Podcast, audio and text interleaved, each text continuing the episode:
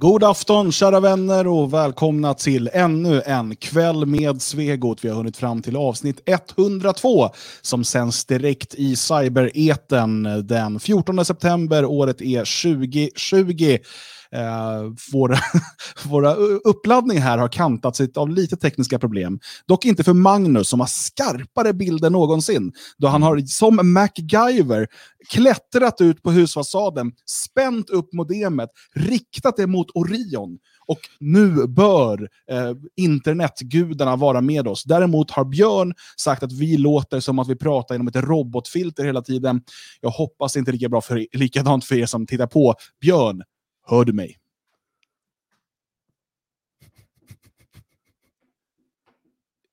Är det här ett skämt från Björn? Jag tror faktiskt inte att det är det. Han, han skämtar inte om sådana här saker, utan han ser helt förvirrad, ledsen och mm. ensam ut. Ja, men jag tror jag ligger efter, eller?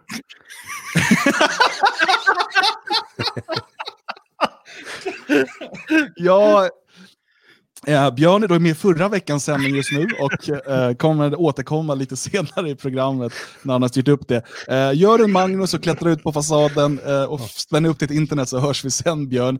Eh, för det, där, det här orkar jag inte, det är för, för lång väntetid. Det är, äh, det, det, det är inte okej. Okay.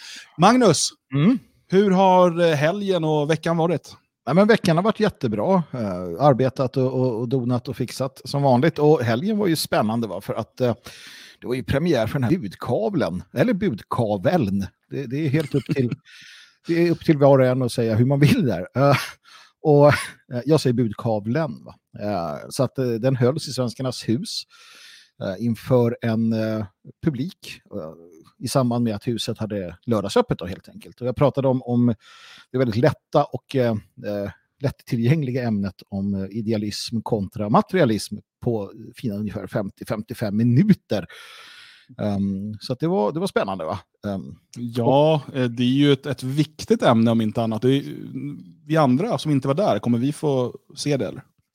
Uh, ja, vi kommer få se en version av det i alla fall. För att uh, jag, jag, lärde mig inte... Alltså, vi, vi, har ju bytt utrustning i, uh, vid scenen nytt sånt här äh, mixerbord och allting. Va? Och äh, jag förstod det mesta utom hur man spelar in direkt från mixerbordet. Så att jag hoppades att det skulle gå att spela in direkt i kameran där när man stod och pratade, va? men det gick inte alls bra. Så att äh, jag ska läsa in den där i efterhand här nu. Eller ja, spela in den i efterhand så att ni får den till del. Så det kommer jag fortsätta göra tills, tills det liksom löser sig. Jag ska se om det går att lösa till nästa lördag, för då ska jag upp ja. igen. Precis, man får inte versionen från scenen, men du kommer göra ett videoinslag med samma innehåll i stort sett. I princip, ja. Förutom alla, alla lustiga saker som händer när man är så att säga live. Mm. Så att, och förutom hit. publikens jubel och de gråtande kvinnorna, när de så, alltså allt det där. Men det, det, det, får man bara föreställa sig. Det får man föreställa sig. Um, vi kan få någon att rita en teckning av det möjligtvis. Uh, den som ritar den bästa teckningen och skickar in via Facebook vinner en date med uh, mig. Mm. Eh, på tal om rita teckningar så är det så att eh, Henrik Jonasson som skulle ha haft vernissage i Svenskarnas hus i april, eh, som vi var tvungna att eh, ställa in när hela den här coronagrejen brakade lös. Han kommer nu att återkomma med ett vernissage nästa lördag, alltså om, om lite mindre än två veckor. Det är väl den 26 september.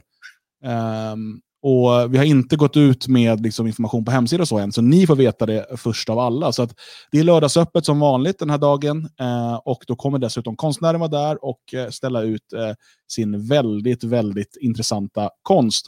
Eh, ni kan hitta honom bland annat på Twitter där han eh, skriver en hel del intressanta saker, eh, men också delar sin konst. Så att den 26 eh, september rekommenderar jag ett besök i Svenskarnas hus, om inte förr.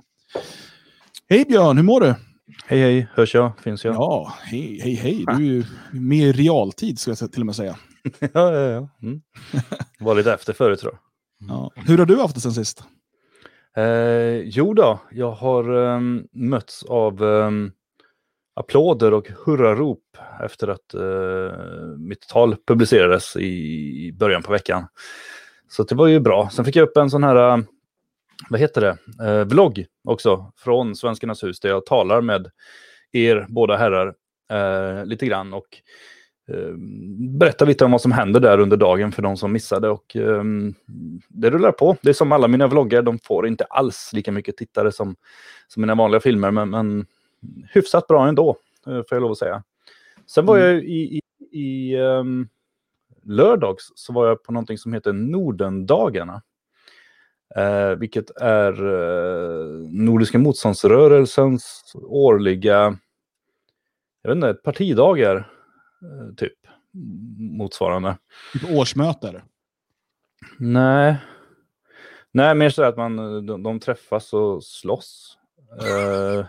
Bygger Nej. inte så. Nej, nej, men det var no, de, de hade ju någon sån här tävling, Årets Nordman, som utses varje år där de få brottas och klättra över saker och lyfta saker och hålla på.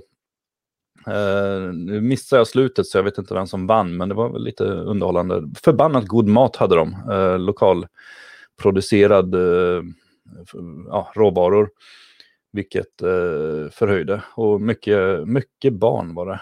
Um, så nej, men det var intressant. Jag har inte varit någonsin faktiskt på, på någonting som motståndsrörelsen arrangerar. Så det var lite spännande.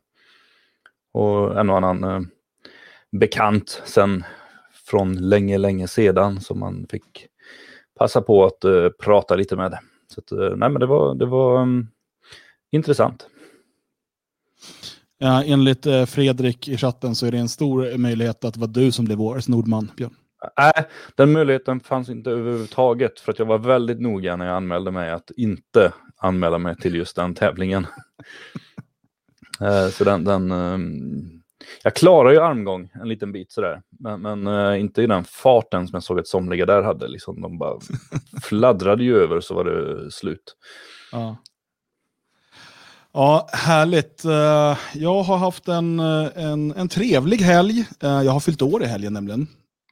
Uh, fyllde år på söndagen, men hade lite överraskningsbesök här på lördag kväll som vakade in tolvslag i. Eh, och, eh, ja, vi, vi åt gott och drack gott och umgicks. Och sen på söndagen på min födelsedag så åkte vi iväg och käkade en eh, lunch bestående av eh, tyringiansk husmanskost. Eh, som sig bör. Eh, och eh, ja, hade trevligt sen lite kaffe och kaka och sådär. Väldigt, väldigt vuxet. För att jag var tvungen att sköta mig på söndagen. Idag skulle jag nämligen eh, vara var frisk och kry. För att idag, mina vänner, så har den tyska byråkratin gjort sitt största misstag någonsin. Eh, man tror att de har koll på allt, men idag har de alltså gett mig rätten att framföra bil hur jag, hur jag önskar nästan. Eh, så att, eh, nu är det där körkortet klart. Eh, ungefär 20 år efter min första körlektion. Det är väl, väl okej. då får man verkligen lov att gratulera. Tack så mycket. Då kommer väl din bok vilken dag som helst också. det är de två sakerna. Är, om det ska ta lika lång tid så borde boken komma om ungefär 5-6 år. Ja. Mm.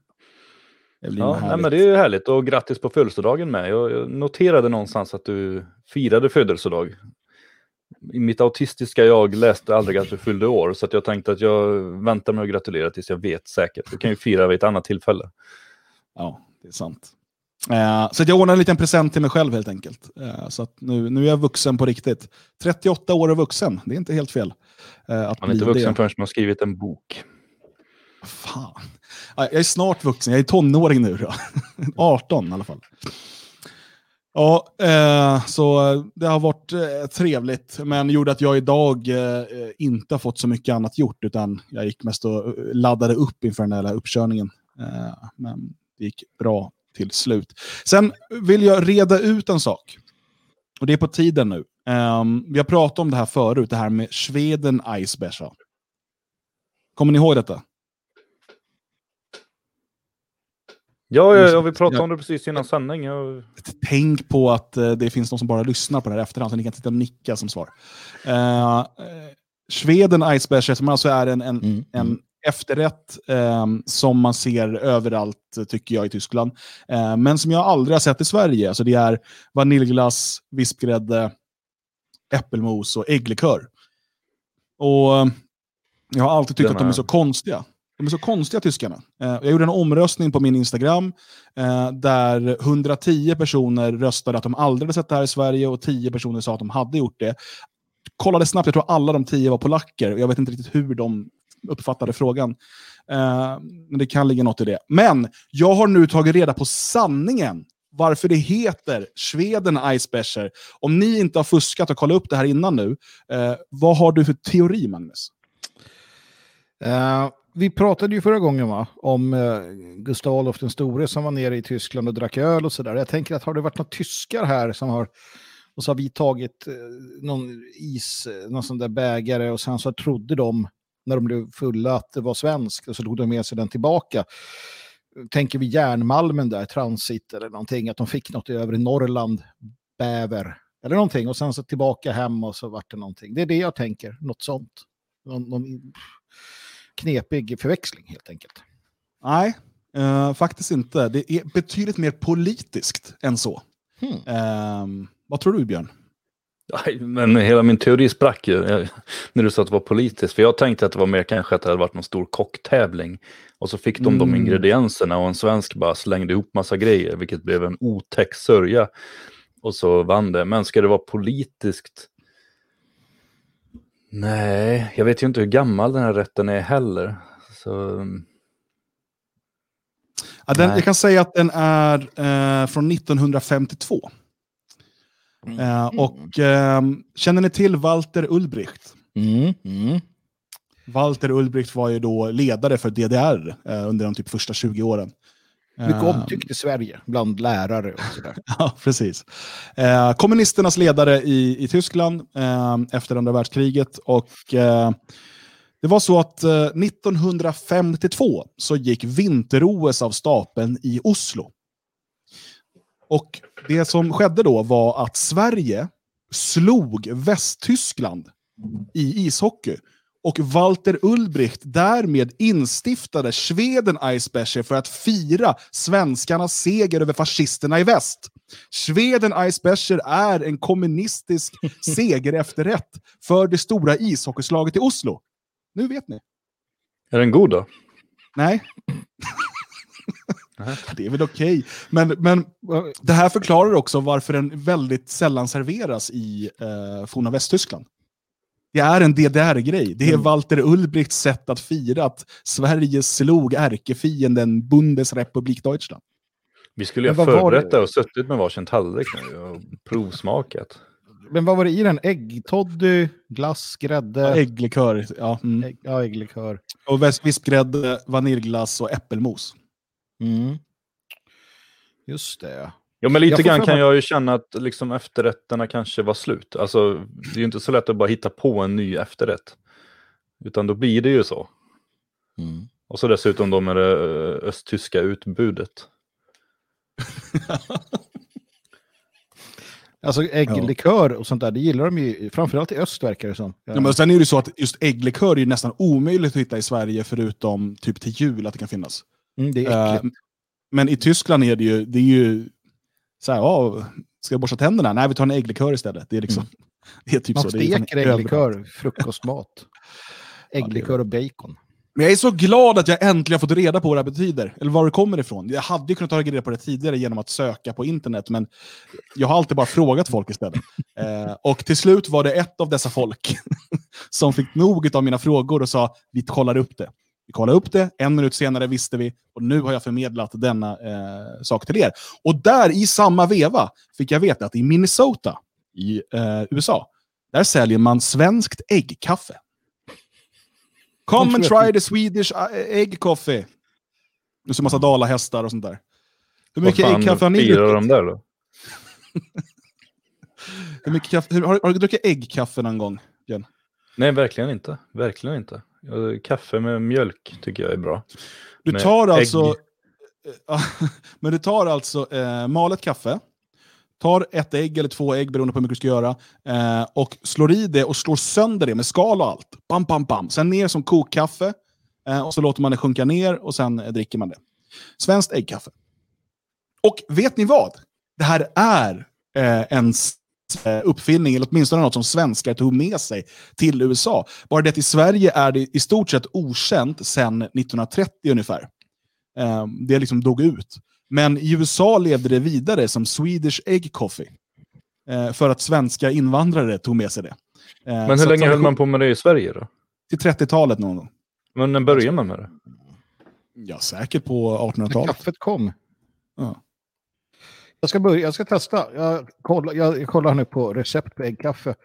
Det var typ Uh, alla ni som 1700-tal. eh, håller på med LCHF bör med fördel dricka äggkaffe, säger jag. Ja, och det, det, nu finns det lite mer förfinade versioner där man inte slår sönder allt med skal och så vidare, utan man kör liksom ägg och kaffe och smör och sådär. Det är lite som sån här bulletproof kaffe eller vad det heter. Eh, så du får i dig rätt mycket liksom fett och protein och, och ja, det är ganska bra LCHF-grej. Eh, men originalet är alltså att man slår sönder med skal och alltihopa. Eh, så, så ser det ut. Ska vi kanske inte prata mer mat, eller har ni något, eh, någonting att berätta? Eh, Nej, men jag skulle gärna prova äggkaffe någon gång. Mm. Vi kanske kan göra det i nästa sändning. Nej, inte kaffe kanske. Innan nästa sändning så kan vi ge en recension nästa vecka. Det låter väl rimligt. Ja. ja, eller så kan ni börja sälja det i Svenskarnas hus så kan man ta det när man kommer dit. Ja.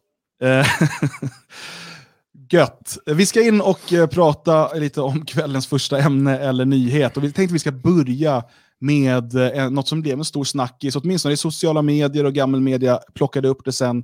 Eh, och det är ju den så kallade rasismen på Öresundståget. Och jag, gör så att jag stänger av ljudet från videon, men jag tänkte att vi kan låta det rulla medan vi, eh, vi pratar om det. För eh, det var ett filmklipp, jag tror att de flesta har, har sett det här. Ehm, det här filmklippet Försnack. som... Om äggkaffe. Oj, nu är Magnus i en helt annan värld. Eh, Men ehm, det alltså handlar om en, en afrikan som sitter på tåget mellan Köpenhamn och eh, Triangeln som man ska till, alltså Malmö är det va? Och eh, där, eh, när, när filmen startar får vi se att han blir ombedd eh, till slut att eh, gå med av tåget för att de vill kontrollera honom. Eh, Han menar att han har ju redan visat ID-kort och sådär. Men då ska man säga att hela den här grejen, det man ser när det växer fram, det är att han vägrar ta av sig hörlurarna, han vägrar titta på dem, han vägrar, liksom, han, är, han är väldigt sådär obstinat kan man säga. Men eh, vänstern har bestämt sig för att det här handlar om rasism. Eh, han har visat sitt ID-kort, eh, men från eh, kontrollanten då, som har då kallat på förstärkning och tycker att han har en misstänkt väska som hon vill kontrollera och det ska vara någon sån här eh, eh väska som eh, i, i vardagligt tal kallas för becknarväska, en sån eh, knarklangarväska helt enkelt. En sån här som man har längs med, ser ut som en midjeväska. Eh, och vill att han, den ska kontrolleras. Han vägrar gå av, eh, han vägrar prata med, poli, eller liksom, gå av och prata med polisen. Eh, och till slut så blir han ju av, utsläpad ur tåget. Eh, rasism, säger eh, de politiskt korrekta. Eh, är detta rasism, Björn Björkqvist? Ja, det är ju glasklar rasism i och med att han är svart. Mm. Mer behövs inte. Nej, det verkar ju så. Det verkar ju så, för jag har tittat lite grann på Twitter och sådär när folk har beskrivit det här och den som la upp först beskriver ju hela händelseförloppet, i, ja, precis så som du har um, beskrivit det. Att, att Mm. eh, de ber honom ta av sig hörlurar och sådär och han bara nej, jag hör ändå. Ja, men ta av dig dem för att vi ber dig. Jag bara, nej, jag hör ändå. Han har väl de här hörlurarna fulla med knark får man anta. Nej, men det är väl, de ska väl kunna prata med honom och, och även kunna identifiera honom och öron är ganska viktiga på så sätt om, när man eh, jämför med ett passfoto eller legitimation. Mm. Han är uppkäftig, han är eh, allmänt eh, otrevlig. Han kanske haft en dålig dag, det kanske är hans vanliga attityd mot människor han möter, det vet man ju inte.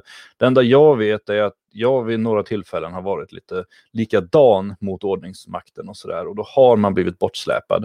Och det har inte varit på grund av att jag är svart. Utan det är snarare för att man lägger till med en attityd för att man anser att man har rätt, vilket man kanske har. Men det hjälper inte därför att eh, de andra har ett våldsmonopol. Så att de vet med sig att även om de har fel, även om de gör precis allting totalt fel och tvärtom vad man ska göra, så har de rätt.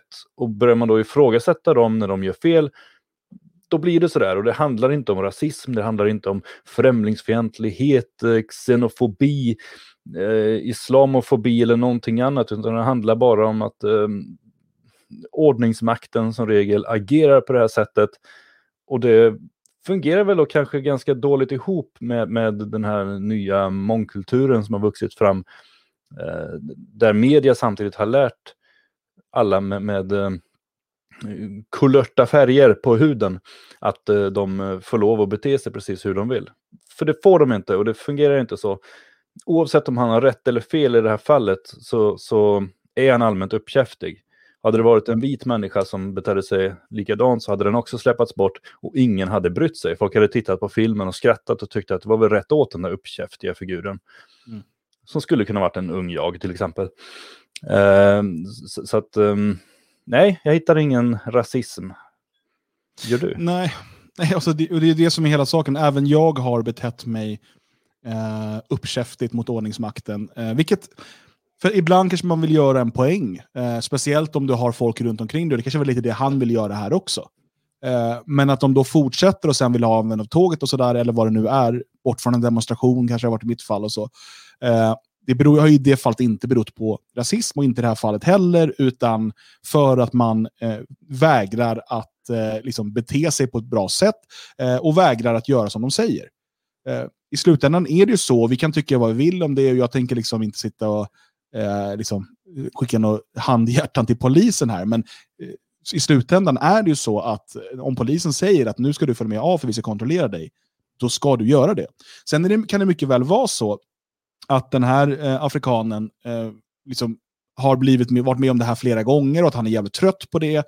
Eh, han är absolut ingen knarklangare. Det kan vara allt det här. Eh, men det förändrar ju ingenting. Och, och det är också rimligt för polisen att om det kommer en afrikan med eh, en knarklangarväska eh, så eh, att, att, att det kommer dra till sig misstänksamhet, eh, det, det, är inte så konstigt. Eh, precis som att, eh, jag vet inte, när man liksom har åkt till eh, våra demonstrationer på, på 00-talet och man hade på sig en t-shirt med ett tufft eh, nationalistiskt tryck. Eh, att polisen då plockar av en av tåget och ska kontrollera den och så vidare. Det hade de inte gjort om man hade haft vett nog att klä sig eh, lite mer diskret. Eh, och, och, Man kan tänka, så borde det inte vara. Nej, oh, jag vet inte. Det, det, det, är så. Nej, men det är ju också så, det, det är inte så konstigt att personen i fråga väcker intresse. Det handlar alltså om en um, kontroll över Öresundsbron. Man ska dels hålla lite koll på att det inte kommer illegala invandrare. Man ska även hålla lite koll på att det inte kommer eh, narkotika över gränsen. Och jag tror att han kan vara ganska lik just den typen av människor som tar sig in illegalt i Sverige. Jag tror inte de ser ut som jag. Jag tror inte de eh, är, är, speciellt ljusa överhuvudtaget, utan jag tror att de, de liknar nog den här killen ganska mycket. Och då är det inte så konstigt att de tittar lite extra på honom och då när han inte vill titta upp när de ska jämföra mot legitimation så är det ganska logiskt att man då blir lite mer intresserad. Jag kan också tänka mig att en ganska stor andel av, av de eh, narkotikahandlare som man eh, eh tar hand om också påminner om honom till, till eh, både utseende och attityd. Så att jag, jag, tycker inte att det är alls konstigt att de blir extra intresserade av honom, men jag tror att det hade kunnat hända, eller jag är helt övertygad, jag vet att det kan hända vem som helst med den attityden. Mm. Jo, det är just det att ju mer man håller på och käbblar emot, eh, desto större intresse får de ju för dig. Eh, mm. Och det blir också en principsak. Det här måste man också ha klart för sig. Vad ska polisen göra då? Om han vägrar, ska de bara säga nej okej, ja, men det är bra, då går vi. Då har ju polisen förlorat hela sin auktoritet. Mm. De måste ju genomföra det här nu, speciellt när han tjafsar emot. Då blir det ju extra viktigt att de gör det, för annars förlorar de på det. Någonstans är det då så antirasisternas idé om antirasistiska poliser, det är att de går fram till en svart man och säger du, vi skulle behöva kontrollera dig, vi har misstanke om brott. Eh, och han säger nej, det vill jag inte. Och säger, nej, okej, tack, eh, ha en trevlig dag. ett sånt, ett sånt eh, polisväsende kan man ju inte heller ha. Så att, det kan mycket väl vara så att den här misstanken var helt felriktad. Eh, och ha, du vet, man är på väg hem från jobbet, eh, som han, han jobbar i Köpenhamn som jag förstått det, och är bara trött. Och man orkar som inte med. ja, precis. Nej, det vet vi. Allegedly, som man säger i USA. Uh, nej, och uh, jag menar, den här upprördheten över det är ju uh, spelad och falsk. För att om alla bara sätter sig och tänker efter lite, så är det inte så konstigt att man blir kontrollerad. och om man blir utsatt för en sån här kontroll så är det bara att göra som de säger. Och saken är, det har ju de flesta normala människor sagt, speciellt på Twitter, så när det här börjar komma. Men varför gör han inte bara som de säger? Men eh, antirasisterna är ju då så här, men vet ni hur mycket förtryck svarta har varit utsatta för? Och ni säger bara gör som de säger. Det är så det funkar i fascism. Då gör man som de säger. Okej, okay, jag vet inte. Ja, men det sitter ju alltså ett helt tåg med väldigt många andra människor som har gjort precis som polisen har sagt, eller som kontrollanterna har sagt. För det är ju en biljettkontroll från början, eller, och ID-kontroll ja, ID mm. för, för att se att folk får lov att ta sig in och ut ur landet. Så, så att alla de andra på det här jävla tåget har ju visat upp sitt pass. Bara titta, här är jag. Och så har eh, kontrollanten kollat, ja det är du, jättebra. Så har de gått vidare, så kommer de fram till den här killen så bara, ja, tack för det. Kan du titta upp på mig? Och då börjar den liksom käfta emot. Så att det påståendet, jag såg någon som skrev där att eh, ja, men ett bra sätt att inte råka ut för sånt här på tågen, det är ju att vara vit. Jag har åkt så många gånger och jag har aldrig råkat ut för det här. Nej, men den här människan har ju säkert visat och varit liksom tillmötesgående och inte suttit och käftat upp sig springer man runt och käftar upp sig så är det klart att det kan, kan då blir det så här. Det är, inte, mm. det är inte svårare än så. Springer man runt liksom och verkar, bara rusar in på toaletten när vakten kommer och bara vägrar att öppna, liksom, då får man ju räkna med att de kommer att stå där och banka och till slut bryta upp dörren och slita ut den och antagligen ta ut den därifrån. Och inte då på grund av att man är vit eller svart eller någonting annat, utan på grund av att man är lite, lite dum i huvudet. Mm. Ja, Eh, och jag menar, det, det är precis som när du ska åka in i USA, om du flyger dit till exempel och sen på, på flygplatsen i, i tullen um, så kan du behöva svara på en hel del frågor. Om du då vägrar svara på de frågorna, om du vägrar uh, uh, titta på dem, alltså, och så säger, sen så bara, nej men du, då får du inte komma in här. Och så här det är för att jag är svart, eller hur? nej, det är för att du vägrar svara på frågorna vägrar göra som du blir tillsagd. Jag kommer ihåg, det måste ha varit när, när du fyllde 30, jag kommer inte ihåg så mycket av det, men jag kommer ihåg när vi åkte hem. Så eh, var vi på flygplatsen i, i, ja, någonstans i Norge. Och så kliver vi ur och vi, vi, vi är ganska normalt civilt klädda. Utom en som är skinnskalle som, som är med oss. Och eh, han börjar få lite extra frågor och han börjar ställa, svara ganska tyket så här tillbaka. Liksom, så, här, så bara, de frågade typ så här, ja men har du varit ute och rest? Och han bara, nej, nej, jag brukar bara gå här i tullen, jag vet inte hur man kommer ut. Och börjar med massa mm. sådana ganska roliga svar. Så, och vi börjar så här lite smått dra oss bort ifrån honom, för vi känner att fan, vi orkar inte sitta fast här hela natten. Men han blev intaget i ett speciellt rum och vart ju totalvisiterad medan vi bara kunde ta våra väskor och gå. Och det är så det fungerar och han var inte svart. Mm. Inte vad du såg. Han kan vara ett svart inombords. Han kan ha burit på ett inre mörker. Det kan jag inte svara på. Alla har vi en liten afrikan som är ute ibland i, eh, i, inom oss.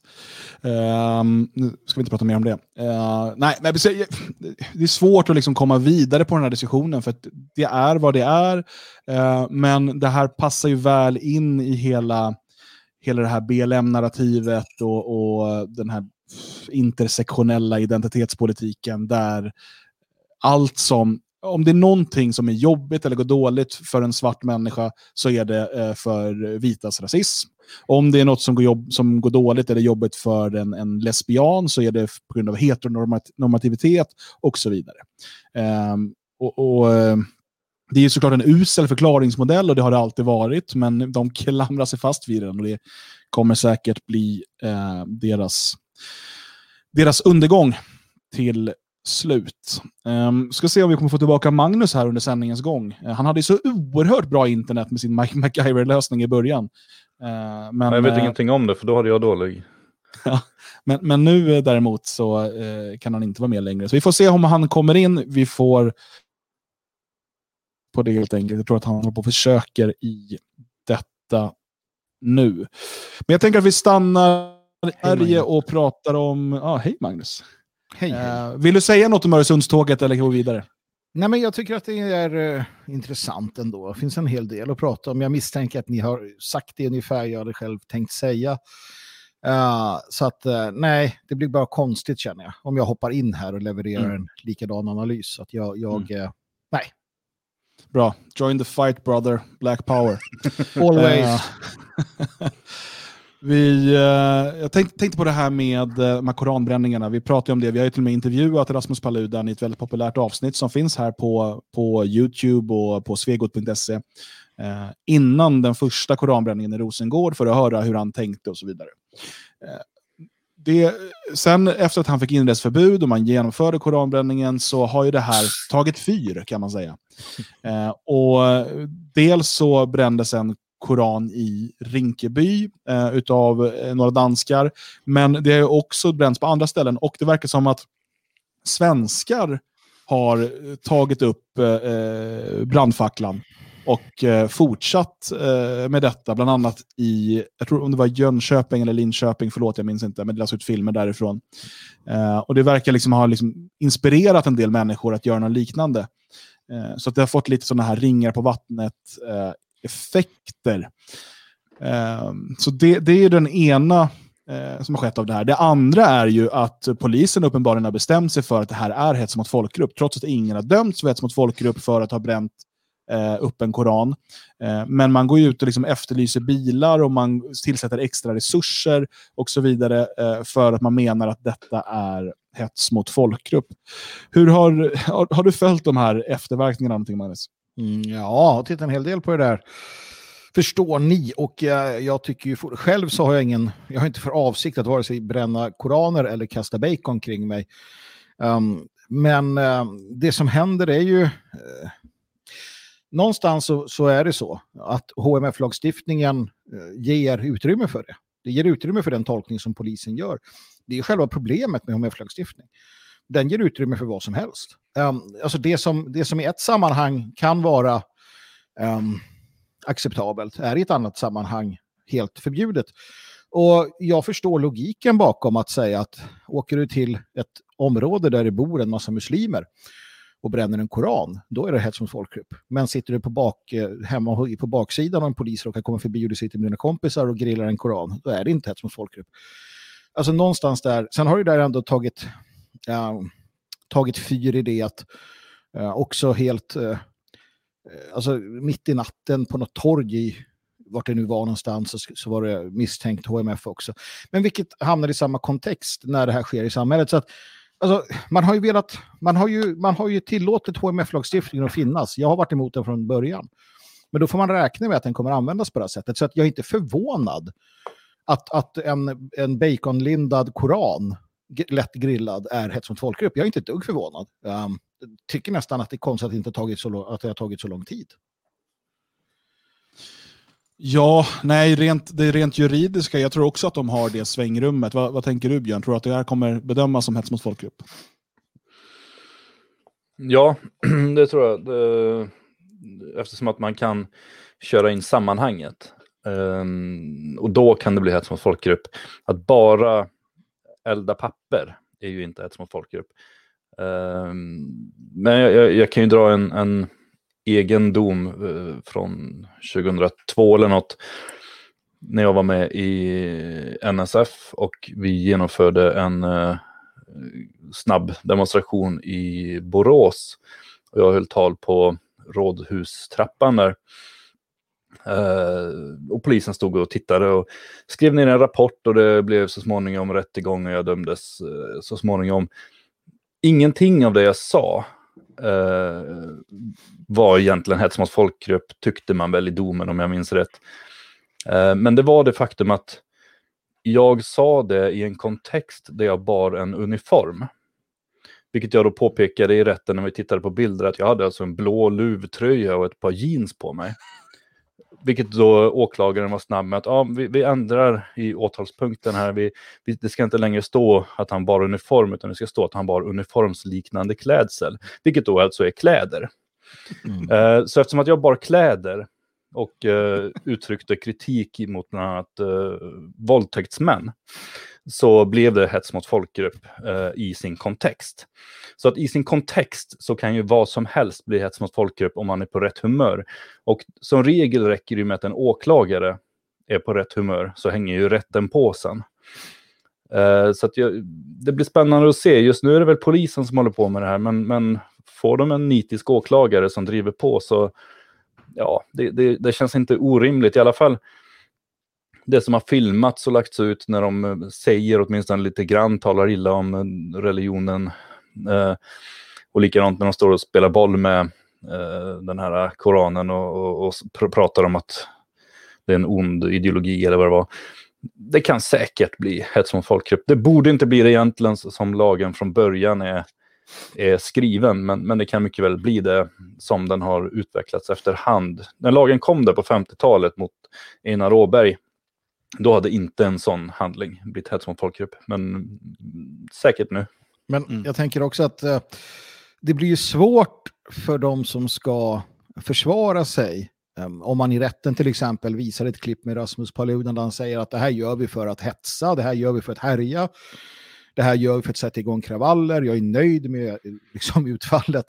Då är det ju svårt också att hävda att man inte gjorde det för det syftet. Va? Så att, um... Fast jag tänker där någonstans att då borde det rimligtvis gå under förargelseväckande beteende till exempel. Vilket är en mycket, mycket lindrigare brott mm. än just hets mot folkgrupp. Därför att det är ju ändå inte egentligen någon folkgrupp. Det, det är ju inte mer än att man skulle stå och, eh, jag vet inte, eh, håna franska revolutionen och så har man hetsat mot alla liberaler. Mm. Det, det, det, är inte riktigt samma sak. Det är ju en sak att säga att nu ska vi döda alla liberaler och en annan sak att håna det de håller kärt och varmt. Liksom. Eh. Men får man inte säga att man vill döda alla liberaler? Uh, jo, det får man jo, kanske. Det får man säga. Jo, det får man. Du får inte säga att folk borde göra det. Nej, men du, du får väl inte lov att säga... Nu kommer du... kom, så ska vi döda alla liberaler. Tror jag inte du får inte säga att du vill döda alla muslimer. Nej, det får man inte säga. Men alla muslimska det, liberaler då? men saken är den att, att liberalerna, alltså muslimer har ju en särställning tillsammans med andra religiösa minoriteter så kallade i Sverige. Um, så att uh, därför blir det nog också i den kontexten. För folk brukar säga, men varför får man, får man elda biblar hur som helst? Nej, i sammanhanget ska du inte få göra det heller. Jag, det är några poliser som har sagt det, att nej, det kommer vi inte gå med på heller, tror jag vad jag vill. Men då i sådana fall är det en ny tolkning av lagen. För att eh, Precis. vi kan ta Marilyn Manson som har det på sina konserter, att han mm. eldar och äter biblar. Eh, han, han, eh, vi har eh, Serranos utställning Piss Christ, mm, mm. som hyllas av kulturetablissemanget, där man alltså sänker ner eh, Kristusfiguren i urin och det är massa ja, annat. Han, det var väl också han som hade massa djurporr och sånt där, men, men han älskades ju av DN Kultur och liknande. Men det är det vi går mot. Eh, om du tittar på debatten så går det mot att, att, och det är flera som har skrivit om det här, att, att religionsfriheten um, kommer börja gnaga på yttrandefriheten. Och det ser vi i och med detta. Och det kanske är religionsfriheten för, för alla religioner som får gnaga på yttrandefriheten i det samhälle vi lever i. För nu kom ju också ett upprop då från muslimerna, en, en, imam bland annat i Rinkeby tror jag, där han sa att vi måste ändra på grundlagen så att det blir förbjudet att häda, skända då islam eller andra religioner som han sa. Så att det är ju ett första steg för de här människorna. Det är ju att se till så att det blir förbjudet att till exempel häda mot islam. Och de är beredda att säga mot hinduism och kristendom och judendom och vad ni vill. För att då har du börjat äta på, börjat, börjat förstöra yttrandefriheten. Um, så att det, jag, tror, jag tror att vi kan gott och väl komma dit här. Alltså. Vi är ju på väg med det som händer nu, utan tvekan.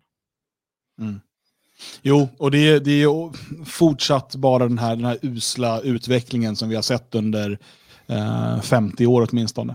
Där eh, sånt som en del tar för givet, att det här, det, liksom, det här är en typ av rättigheter vi har, eh, försvinner. Och, alltså hets mot folkgrupplagen är ju en sån lag, för att hur den än började som, som Lex Åberg, och även om den var felaktig redan då, så har den ju, dels har man lagt till en massa saker, dels har den via eh, olika prejudikat eh, utvidgats. Eh, och eh, den är så luddigt skriven och det är därför vi kallar den för gummiparagraf. Att man, man kan inrymma lite vad man vill i det. Och får de här muselmanerna som de vill, jag tror att de har stöd av en hel del ändå, Eh, vilket också är intressant, för att vi måste komma ihåg att vänstern i grunden är ateistisk. Vänstern är ju egentligen vill krossa de religiösa samfunden eftersom att de är reaktionära, de är ett problem för revolutionen. Men i det här läget så är vänstern beredd att gå hand i hand med, eh, med, med de muslimska samfunden för att inskränka friheten att håna och skända religiösa symboler. Mm. Eh, det är egentligen en lagstiftning som värdekonservativa hade kunnat eh, slåss för. Mm. Men, men, men, men, i det här läget, de man, de man har med sig är alltså liberaler och socialister. Men någonstans så finns det en, en, det finns en tröst i det. Um, för att vi kan vara säkra på att om det skulle bli ett kalifat, om muslimerna vinner, låt oss liksom, hemska tanke kan jag tycka, men låt oss säga att det blir så, eh, så kan vi vara säkra på att vänstern och liberalerna kommer möta ett öde värre än döden av sina gamla allierade. Vi är ju på rätt sida av historien hela tiden och, och ja, vad som händer händer. Men de kommer ju, och det vet vi ju, titta i de länderna som har haft en muslimsk eller ja, islamisk revolution. Att vara vänster där, det är ingen rolig historia. Eh, eller liberal för den delen. Eller så mycket annat för den delen. Mm. Nej, Um, men, och det, det, blir intressant nu för att uh, den muslimska väljargruppen, nu kommer vi in på det här trilla demokratiska och vi kommer snart mm. in ännu mer på det. Den är ju faktiskt väldigt, väldigt viktig. Man ska komma ihåg det att tungan på vågen när det gäller eh, om det är en, liksom en, en, röd regering eller en blå regering är, om du kollar procentuellt, muslimerna är den där tungan på vågen. Mm. Kan du få en stor del av muslimrösterna så har du säkrat makten för att än så länge är svenskarna väldigt uppdelade i de här två blocken.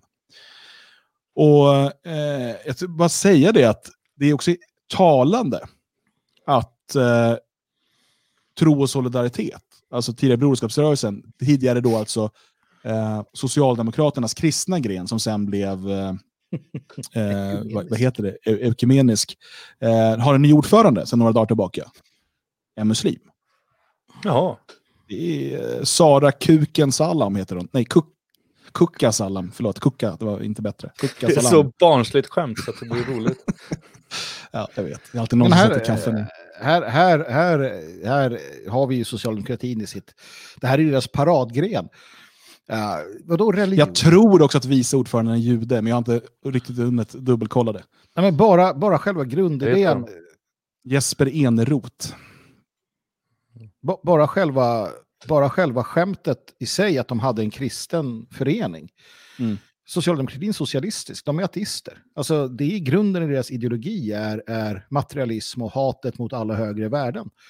Socialdemokratin vill ersätta alla kyrkor med sig själv. Fast nu har de ersatt eh, de kristna med, med sig själv. Och nu hoppas de kanske göra samma med islam. Jag vet inte. Men, men liksom, det är absurt bara det. Och så här, när man ser och så här, ja, men jag är kristen och socialdemokrat, det är så jävla dumt. Um, mm. Så att man vet inte om man ska ta sig till riktigt. Men, jo, men då, känner man inte till, då känner man inte till socialismens liksom, varken historia eller doktrin. Mm. Det är omöjligt. Ja, eller, eller så känner man inte till kristendomen. Ja, det är någon av de två. alltså, alltså man kanske är varken eller egentligen. Mm. Nej. Nej, men och sen idag, så jag menar, nu gick ju Ante igen, då, Ante, Ante Jacqueline, ja, Jacqueline uh, ärkebiskopen ut och, ut och fördömde eldningen och sådär. Jag menar, de, de skändade kyrkorna i Sverige, som vi har många utav, det, det är ingenting som gammelmedia tar upp, men, men det sker och det kan du läsa om i eh, kristen dagspress.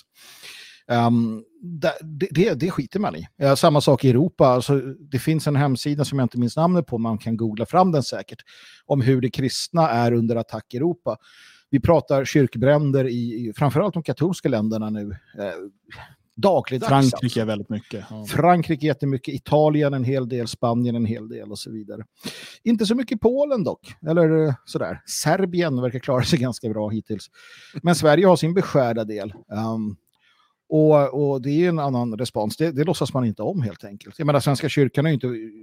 Om man nu som de är kristna och tror att, att också andra folk och raser kan ta till sig kristendomen Eh, de har inte sagt ett ord om det faktum att kristna folkmördas i, i allt snabbare utsträckning. Uh, framförallt i då, de här eh, muslimska länderna och under IS-kalifatets dagar. Säger man ingenting mm. om. Mm. Ja, nej men som sagt, när nu muslimerna går ut och kräver det här, de här muslimerna, eh, men det är flera inflytelserika samfund och sådär, eh, då finns det ju en, en stor risk att man vill hoppa på det tåget, eh, inte minst från, från sossarna, för att mm. behålla eh, behålla de här rösterna eller rekrytera dem. Och vi vet ju vi vet hur, hur den här korruptionen fungerar. Det handlar inte bara om muslimer. För alla som såg Uppdrag granskning här senaste eh, två avsnitten, framförallt det senaste, eh, om eh, Sigtuna. Hur liksom, en total korruption där sossarna eh, via Peab köper röster av syrianerna. Eh, genom att de får en, en liksom gratis mark att bygga sin kyrka på och mm. kyrkan finansierad. Och det finns hur mycket som helst på det där. Men alltså så här jobbar ju, så här jobbar ju de här korrumperade politikerna med alla de här så kallade minoritetsgrupperna. Ja, men här, här kommer det ju in eh, det man kallar för klansamhället. Va? Lite beroende på vart du bor. Jag vet vart det här som du pratar om, då, Sigtuna, jag körde sopor där en gång i tiden.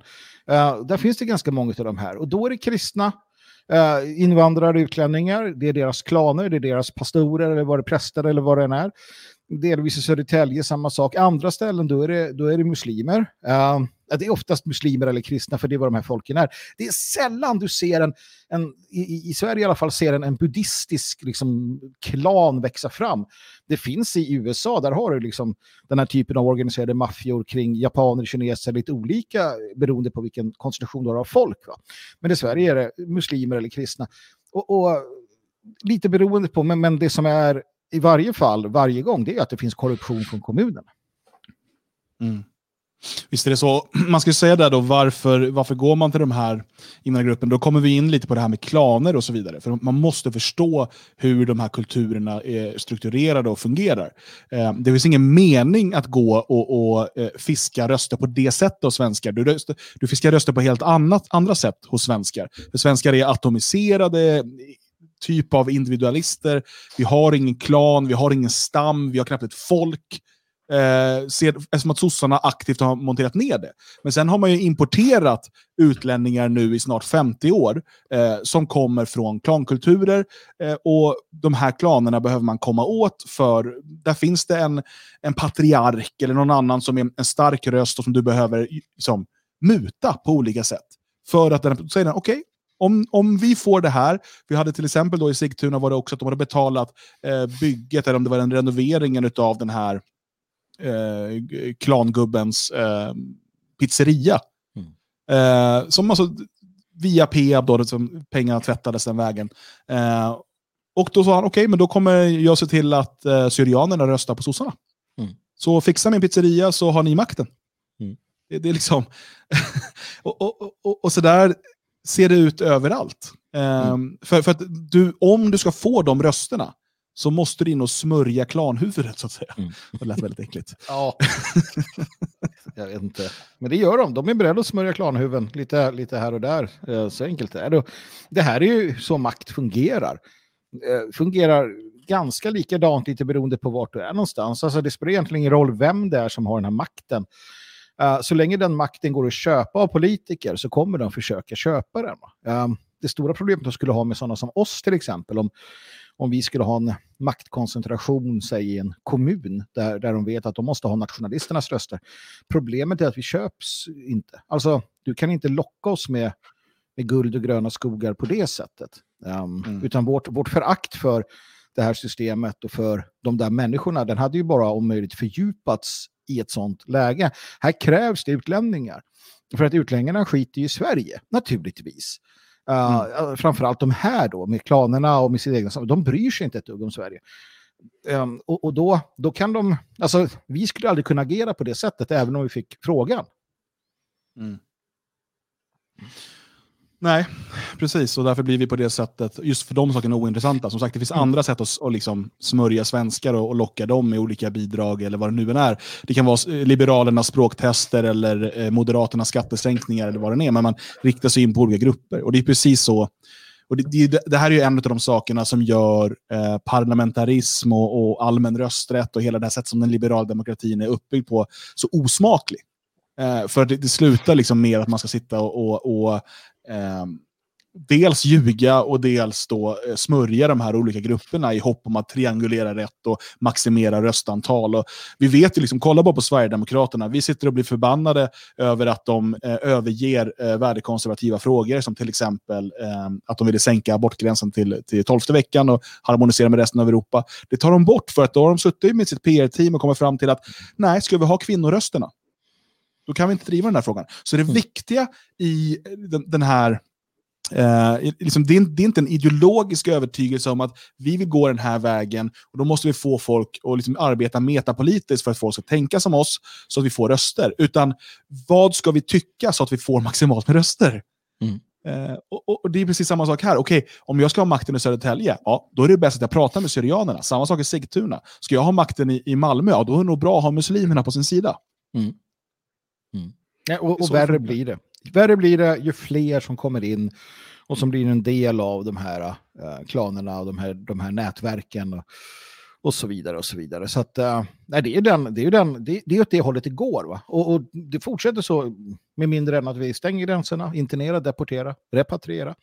Frågan mm. kom här i, i, i chatten, någon av dem alla, vad ska vi göra då? Ja, rent politiskt så är det den enda lösningen. Den enda politiska lösningen på problemet är internera, deportera, repatriera. finns ingen annan.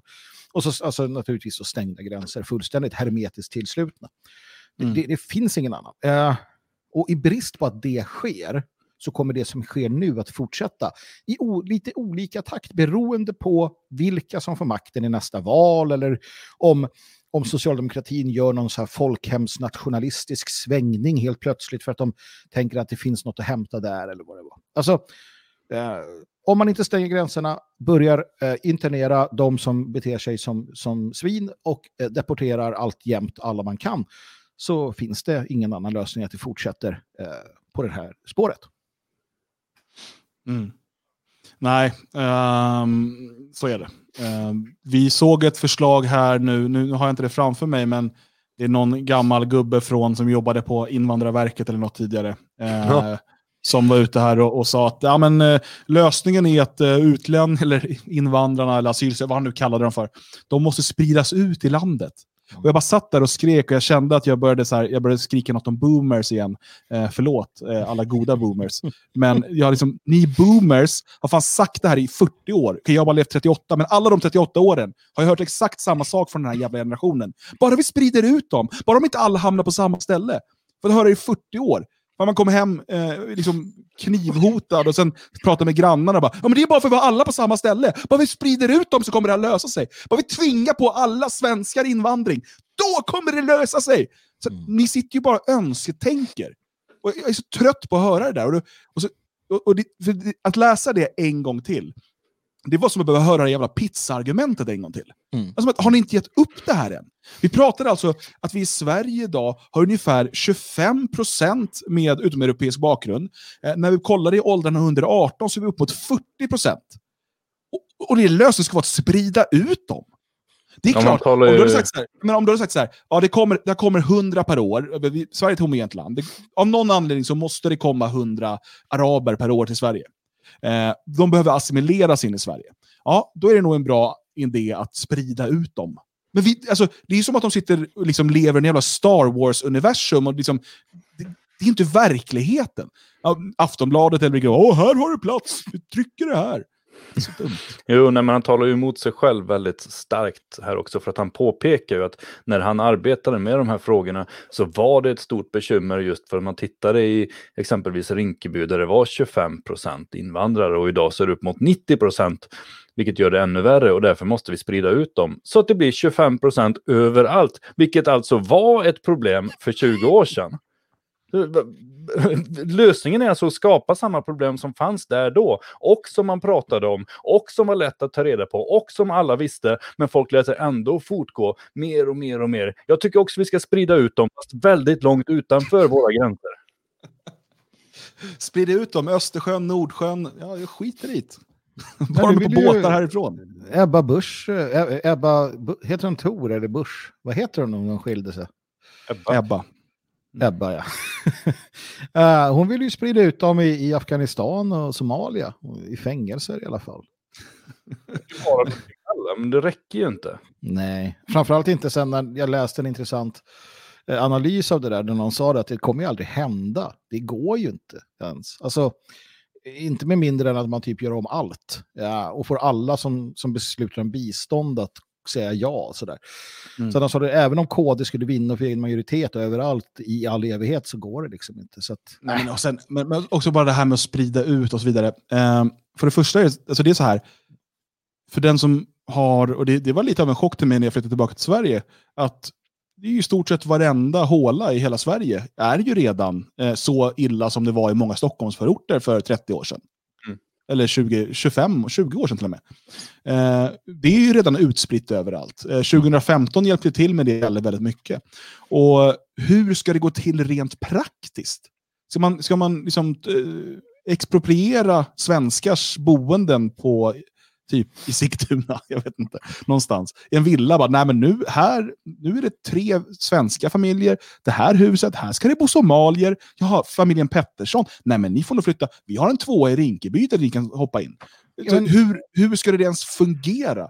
Varför inte? De, de har ju redan på förslag eller på genomförande i Eskilstuna att bussa eh, barn i skolor så att det ska blandas. Det är ju tvångsintegration medelst bussning, vilket man testade i USA för en herrans massa år sedan. Det var ingen bra idé. Jo, men sånt, sånt sker ju överallt, fast på andra sätt. Att man lägger ner skolorna som är, är Mm. för invandrartäta. Det, det ser man ju i kommun efter kommun. Så lägger man ner dem, så sprider man ut de där eh, invandrarungarna i de andra skolorna. Och alla står och jublar över hur fantastiskt det är. Alltså även alltså, Sverigedemokrater och mycket sådana här invandringskritiker som tycker att vi måste ju satsa på integration på riktigt. Men ja, så får vi dem i våra barns skolor. Det är ju ingen som har bett om det. Nej, och eh, det är också så här, hur, hur ska en sån lag liksom formeras? Hur länge ska vi tvinga utlänningar då att bo i vissa områden? Alltså Om- du har fått för- jobb bara nej, du bor kvar. Ja, för nej, du, vi ska upprätthålla Somaliekvoten här i, i Vaxholm. Eller vadå? Alltså det, det, det, det är ju en helt omöjlig lagstiftning. Absolut, du, som det är när de tog bort eh, EBO och så vidare. Och man kan säga då, ja, men, eh, under tiden du söker asyl så måste du bo här. Ja, absolut. Men det, alltså, de som just nu håller på att söka asyl är ju inte det stora problemet. De är det blivande problemet. Men, men Det- titta här, Alltså, ursäkta, Så, men jag, men, menar, men alltså, det jag vill komma fram till här, det är en sak att det finns en dum, gaggig jävla gubbe. Det är klart att han jobbar för staten i hela sitt liv, Mm. för det är, det är bara dumma, gaggiga jävlar som gör det. Men eh, eh, ja, varför är det ingen på den här tidningen som publicerar det som så här, men fin, finns det liksom, ska vi ställa någon motfråga? Alltså är det rimligt att bara publicera gaggiga gamla gubbar bara för att de säger något som kanske då för en, en galen kulturmarxist låter bra, men som Hela- egentligen är totalt jävla svagsinne? Hela hans program är ju bara återupprepningar av vad vi har hört. Så här. En av punkterna är bara vi måste satsa lite mer pengar på invandrarkultur. För Då kommer det lösa sig. Invandrarradio. Närradion måste få pengar. Alltså det är ju såna, för fan. Invandrarradion har ju för fan fått pengar sedan 84 eller någonting. Vad, vad, vad blev det av det? Hur bra gick det? Alltså det är massa dumma argument och det är samma argument. Han förklarar bara det alla har sagt i, i hans typ av um, umgängeskrets i år efter år efter årtionde efter årtionde. Alltså fan i 50 år har de ju suttit och gaggat fram samma argument. Och de var värdelösa från början och de är precis lika värdelösa idag. Men idag har vi ändå ett facit också som visar hur jävla kassa de är och de bara fortsätter, fortsätter och fortsätter. Det är ju dumt. Det, det, är, det är bara dumt. Men eh, jag vet i alla fall varför vi kommer eh, förlora ett tag till i alla fall eh, på den här, på den här äh, den, den, inte demografiska, men vad det gäller vart vi, hur vi bor och sådär. Som du sa, de tog bort EBO där, och så det kommer inte spela någon större roll. Saken är den, att de här utlänningarna som kommer, de är bra mycket mer eh, hårdhudade än svenskar i det att de eh, hamnar någonstans och sen så vill de till sina egna. Och de är beredda att flytta från ett hus eh, i, eh, inte vet jag, Elgarås säger vi, till en, eh, där, de, där de ändå har det lite bredare, lite mer utrymme, till en liten skitetta där de bor med någon annan familj i något utanförskapsområde. de gör det av det skälet att det är så pass viktigt för dem att vara med sina egna, sin släkt, sin klan eller vad som helst. Uh, och det gör att de sakta men säkert kan ansamla sig. Och det beteendet spiller numera ut över också på landsbygden. Där det har kommit uh, utlänningar som först började som, som så kallade invandrare och asylanter. Sen, sen har de eh, sakta men säkert köpt ett hus här, ett hus där, ett hus här och ett hus där. Och det hus, de husen fylls gärna med andra utlänningar som är beredda att flytta tre familjer till ett hus på någon liten svensk, eh, liksom någon liten svensk byhåla där de börjar samla sig. Jag ser det här ske. Pratar man med svenskar, då är det så här att nej, men, det är inte bra läge alltså. Nej, det är för få rum. Nej, den här hade ingen bra, alltså jag kan inte, nej, de här buskarna var inte fina. Alltså svenskar som och, och, då pratar vi svenskar som ändå är på vår sida, svenskar som är nationalister. De är inte beredda um, att, att, att leva jävligt ett tag för att var en del av något större. Utan det passar, nej men det var inte riktigt rätt. Eh, läget kanske inte så bra, nej jag vill inte och så vidare. Och så, så. Samtidigt ser jag, som, och jag, jag ser det här där jag, där jag bor, helt plötsligt så flyttar in en ny Babbe någonstans. För han skiter ju i vilket. Han kommer nära sin kusin som bor i grannbyn där.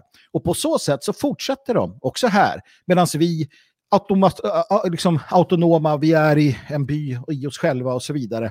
Så även när vi vill göra det göra rätt utifrån det principen att nej, men vi vill flytta samman med svenskar så nej, alltså inte riktigt. Nej, jag väntar på ett bättre tillfälle och så vidare. Och det är därför mm. de vinner om och om och om igen. För att man är inte beredd att säga okej, okay, nu skiter jag i vilket, nu kör jag bara. Och så får jag leva fattigt som fan med min familj ett par år. Men om 10 år, 15 år så kanske vi är så pass många att vi har den här platsen. Mm. Uh, och det, nej, det är nej, ett det, jätteproblem.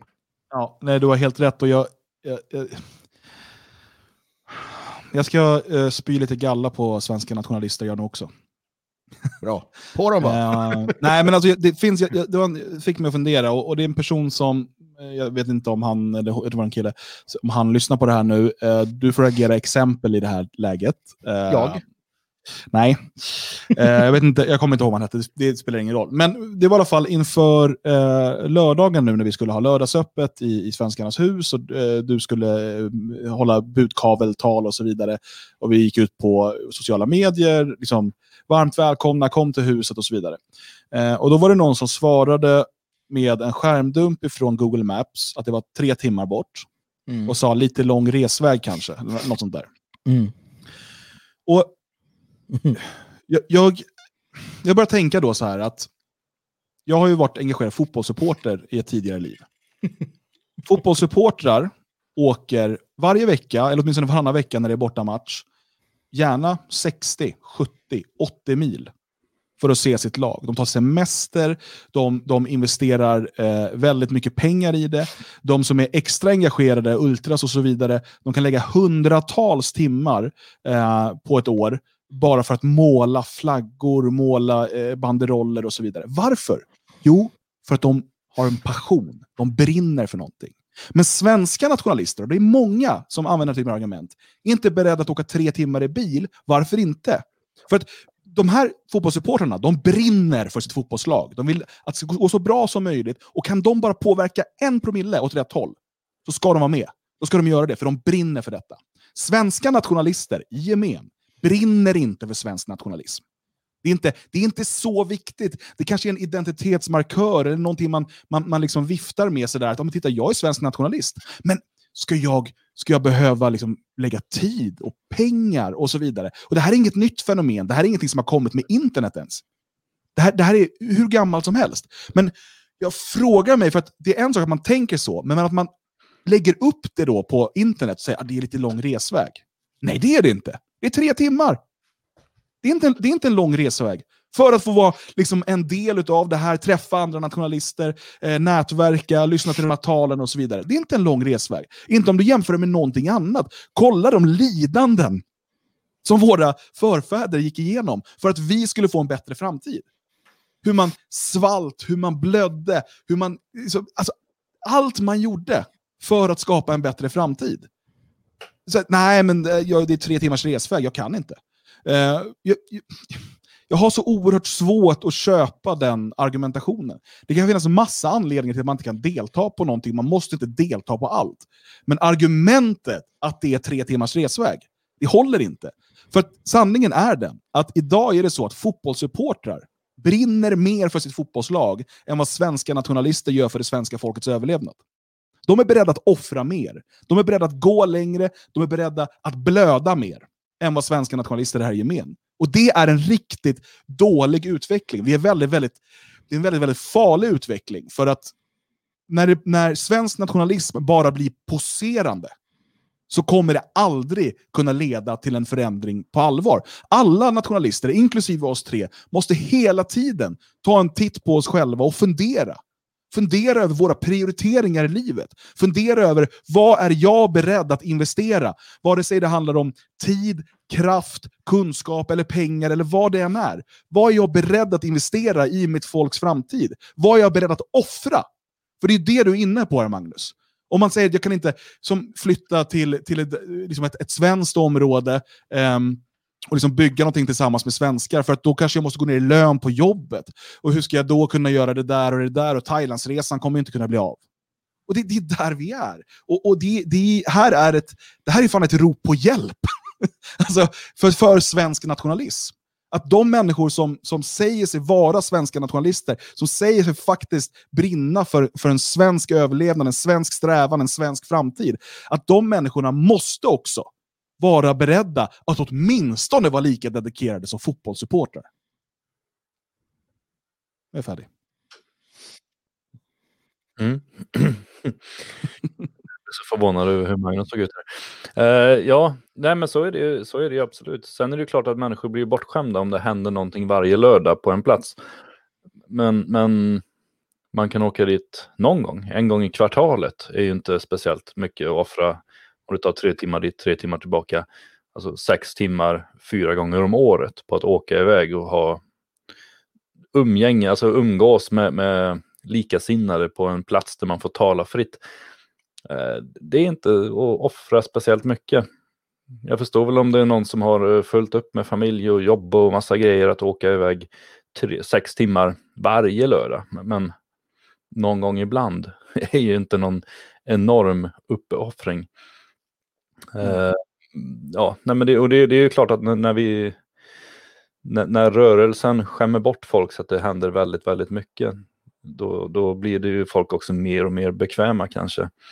Eh, när jag började engagera mig så var det inte så att det hände saker hela tiden utan då satt man ju och åkte. Man kunde sitta fem timmar för att gå på en konsert eller fem mm. timmar för att åka till en demonstration och sådär. Men nu händer det väldigt mycket saker och det är positivt. Men, men vi får inte bli lata för den sakens skull. Mm. Nej, och jag ska säga det, det finns ju också eh, de exempel på nationalister som är tvärtom. Eh, jag vet att vi har haft en, en eh, person som har sex timmar enkel resväg som har varit liksom, där flera gånger i huset bara senaste veckorna för att hjälpa till och så vidare.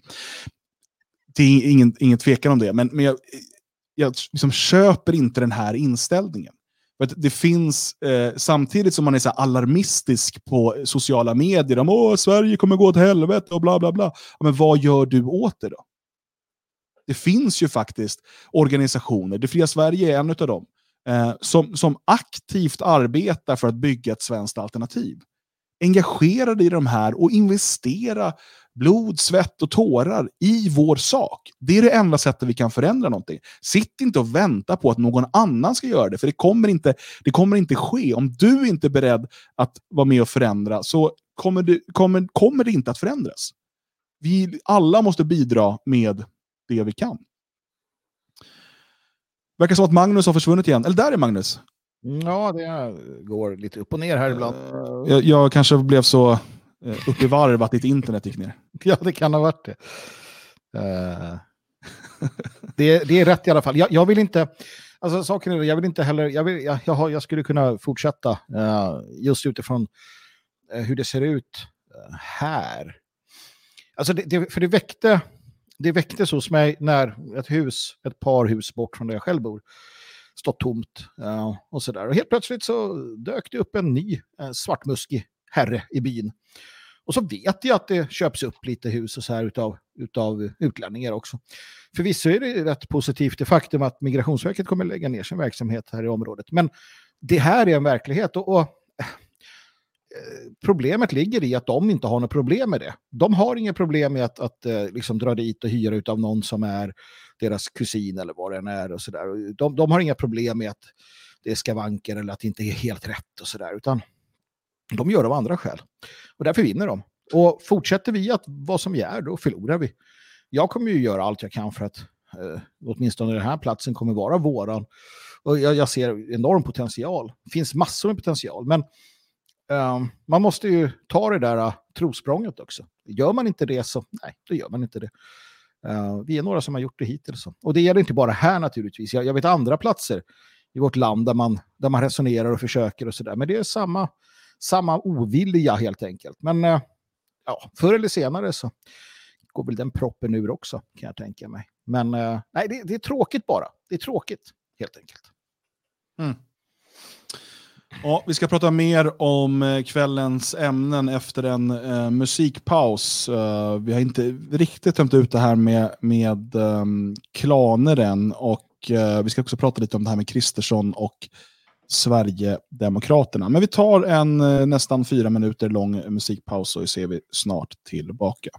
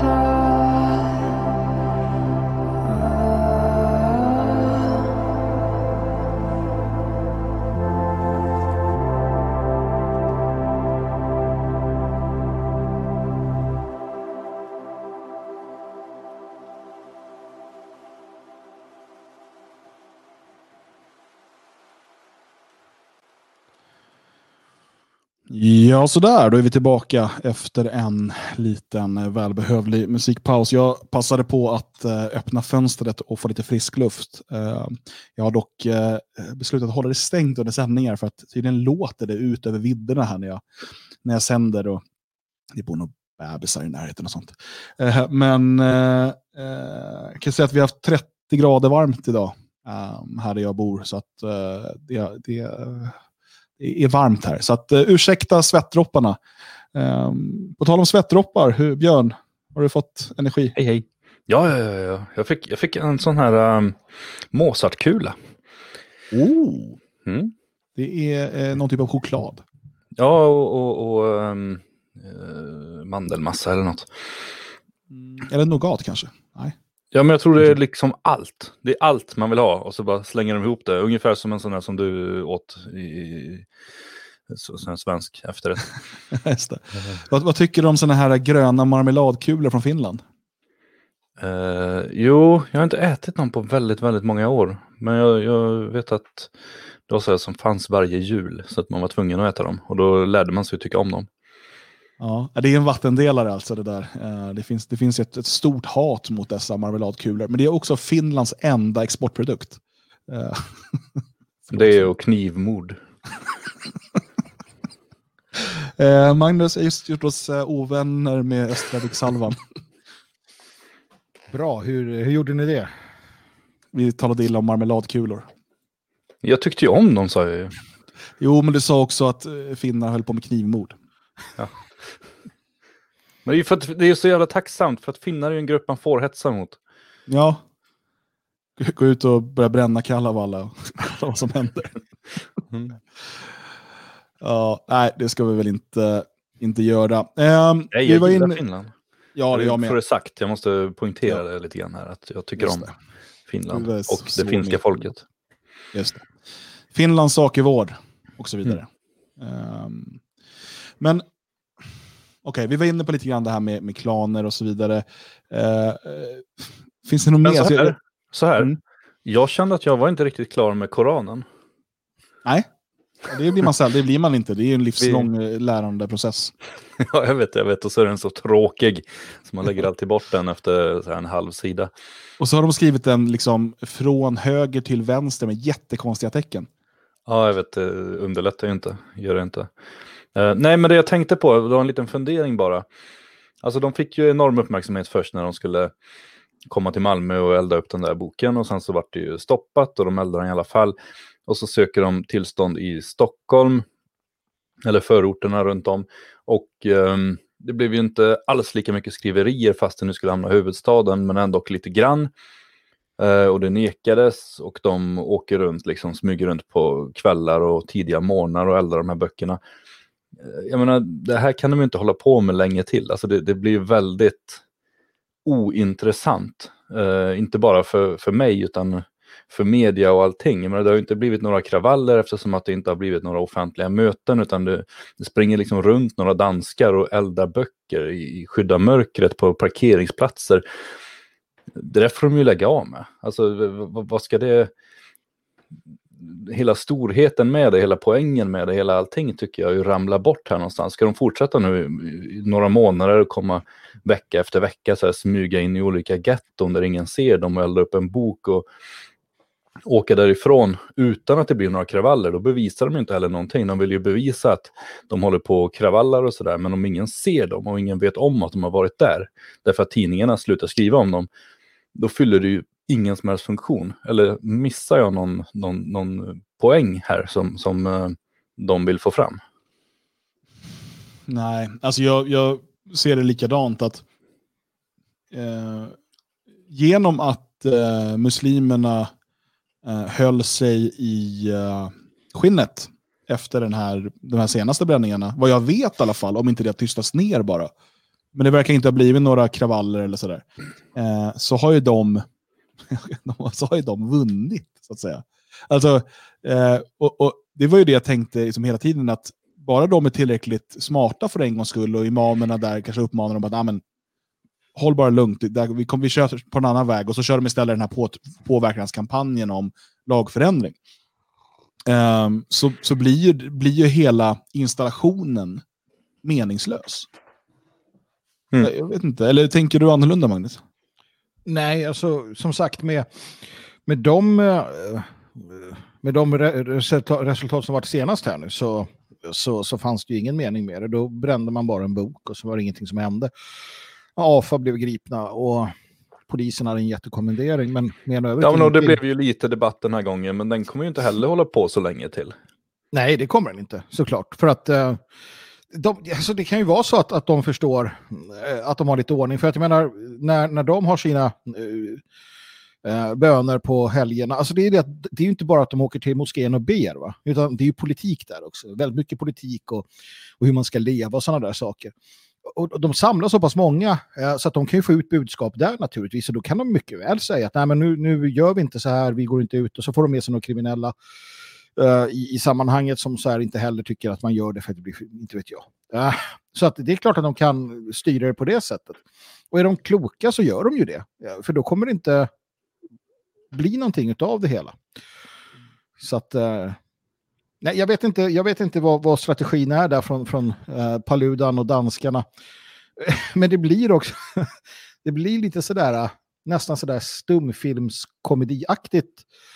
Som ni sa där, det är några danskar som åker runt och, och bränner någonting, åker härifrån och sen har några andra tar efter och åker in i mörkret och, och kastar brinnande koraner omkring sig. Det, det är någonting som saknas i ekvationen för att det ska ta, ta fart, känns det som. Mm. Jo, alltså det som behövs är ju, om det ska bli den här typen av upploppsstämning eh, som det blev eh, i Rosengård till exempel, och som, som de har lyckats med, då, för det är en del av målet som jag förstår det, i Danmark, det är ju att det är offentliga möten. Eh, och att det blir mm. den här hetsiga stämningen som blir då. Eh, för det här med att bränna koraner eh, har ju gjorts förut, sådana där filmer har ju eh, åkt runt på YouTube en hel del. Mm. Folk som tycker det är kul och det här med att linda in i bacon och hålla på. Och det har ju liksom inte blivit, det har inte blivit några kravaller då heller. Mm. Eh, så att, att göra det här mellanting, jag, jag, förstår varför man gör det på det sätt man gör, men det kommer, då får det ju inte den effekten. Mm. Då, är det ju, då, då, blir det ju meningslöst. Och det som behövs är ju en, en, en liksom Paludan-typ som då går ut och är beredd att bli skjuten eh, och ställer sig mitt på torget eh, förutlyst och, och, gör detta. Men det kräver ju också då att man har en lagstiftning och en polismakt som går med på detta, som de har i Danmark. I Danmark är det ju faktiskt så att det här är lagligt eh, och eh, Paludan får polisskydd för att man anser i Danmark att det här är en del av den grundlagsskyddande yttrandefriheten. I Sverige anser man än så länge, det har inte kunnat dömas än, men man anser än så länge att det är hets mot folkgrupp och man, låter inte, eh, man ger inte tillstånd och därmed inget polisskydd till den här typen av evenemang. Mm. Mm. Utan det som händer, även om man inte får tillstånd, om man för så, om du inte får tillstånd men du går och håller en demonstration ändå så måste polisen ändå skydda den. Eh, men i det här läget, eftersom att de just nu arbetar efter tesen att det här är ett mot folkgrupp, så skulle de bara gripa den personen som tände eld på Koranen. Mm. Mm. Eh, så det, det, går inte att genomföra den typen av aktioner. Alltså, eftersom att Sverige har en, en stramare, eh, mer inskränkt yttrandefrihet än Danmark, så går inte det att kopiera konceptet just nu till Sverige. Nej, jag såg att äh, Katarina Janouch äh, publicerade en bild på sig själv och så var det någon, eh, någon så här eh, bacon och uh, korangrej och sådär. Ja, men då får väl hon eller någon, jag, jag, ser det inom den sfären då som kan, kan ta det där. För hon, hon, hon sitter ju på Twitter och säger liksom fuck islam, fuck koranen, fuck det, fuck det. Och så då, då får väl hon då lyfta den facklan då, eller någon av dem som sagt, jag, jag har sagt mitt eh, i detta. Jag, jag, tänker inte bränna Koranen. Jag tänker inte kasta bacon kring mig. Jag, jag tror inte på det i, grund, i grunden. Um, och de som gör det måste ju då kliva fram. Um, och, och, ta ja, Paludans plats i sådana fall. Ja, men alltså det man kan säga att det här gör, det är absolut att det, att det lyfter upp en debatt. Men om du inte har om du inte har liksom, eh, nästa steg, för vad ska vi sedan göra av den här debatten? Vad är liksom finessen sen? Som gör, för att okej, okay, du gör någonting spektakulärt för att få upp en debatt till ytan och liksom få medias intresse. Och sen då? Vad är nästa steg? Och det är, det är här vi har hamnat nu. Om vi återigen går till fotbollens värld. Det är liksom som att slå en, en eh, smörpassning till någon som är helt fri, eh, men som ändå bara har två träben och aldrig kommer kunna slå in den i mål. Mm. Visst, det var ju, du, du, lyckades med passningen, men eh, till slut förlorar du matchen ändå, för med träbenen vinner ingenting. Ja, men det är här också, jag, jag, just hela, hela den här, uh, nu finns ju inte koranbrännarna här för att försvara sig. Va? Så att det, uh, men det jag tänker i sammanhanget är ju också att behöver vi det här? Alltså, har, har, folk inte, är det först nu då folk fattar att det ställs till med lite elände? Jag menar, vi hade kravallen i Stockholm, i de olika förorterna för ett par år sedan, då det höll på att gå riktigt illa. Då människor satt hemma och var rädda på riktigt. Uh, vi, har haft, äh, jag menar vi såg vad som hände med Vilks där och, och det när han brände ambassader och sköt folk. Vi hade Charlie Hebdo och så vidare. Jag menar någonstans så, så det här att ja, men de visar hur muslimer beter sig.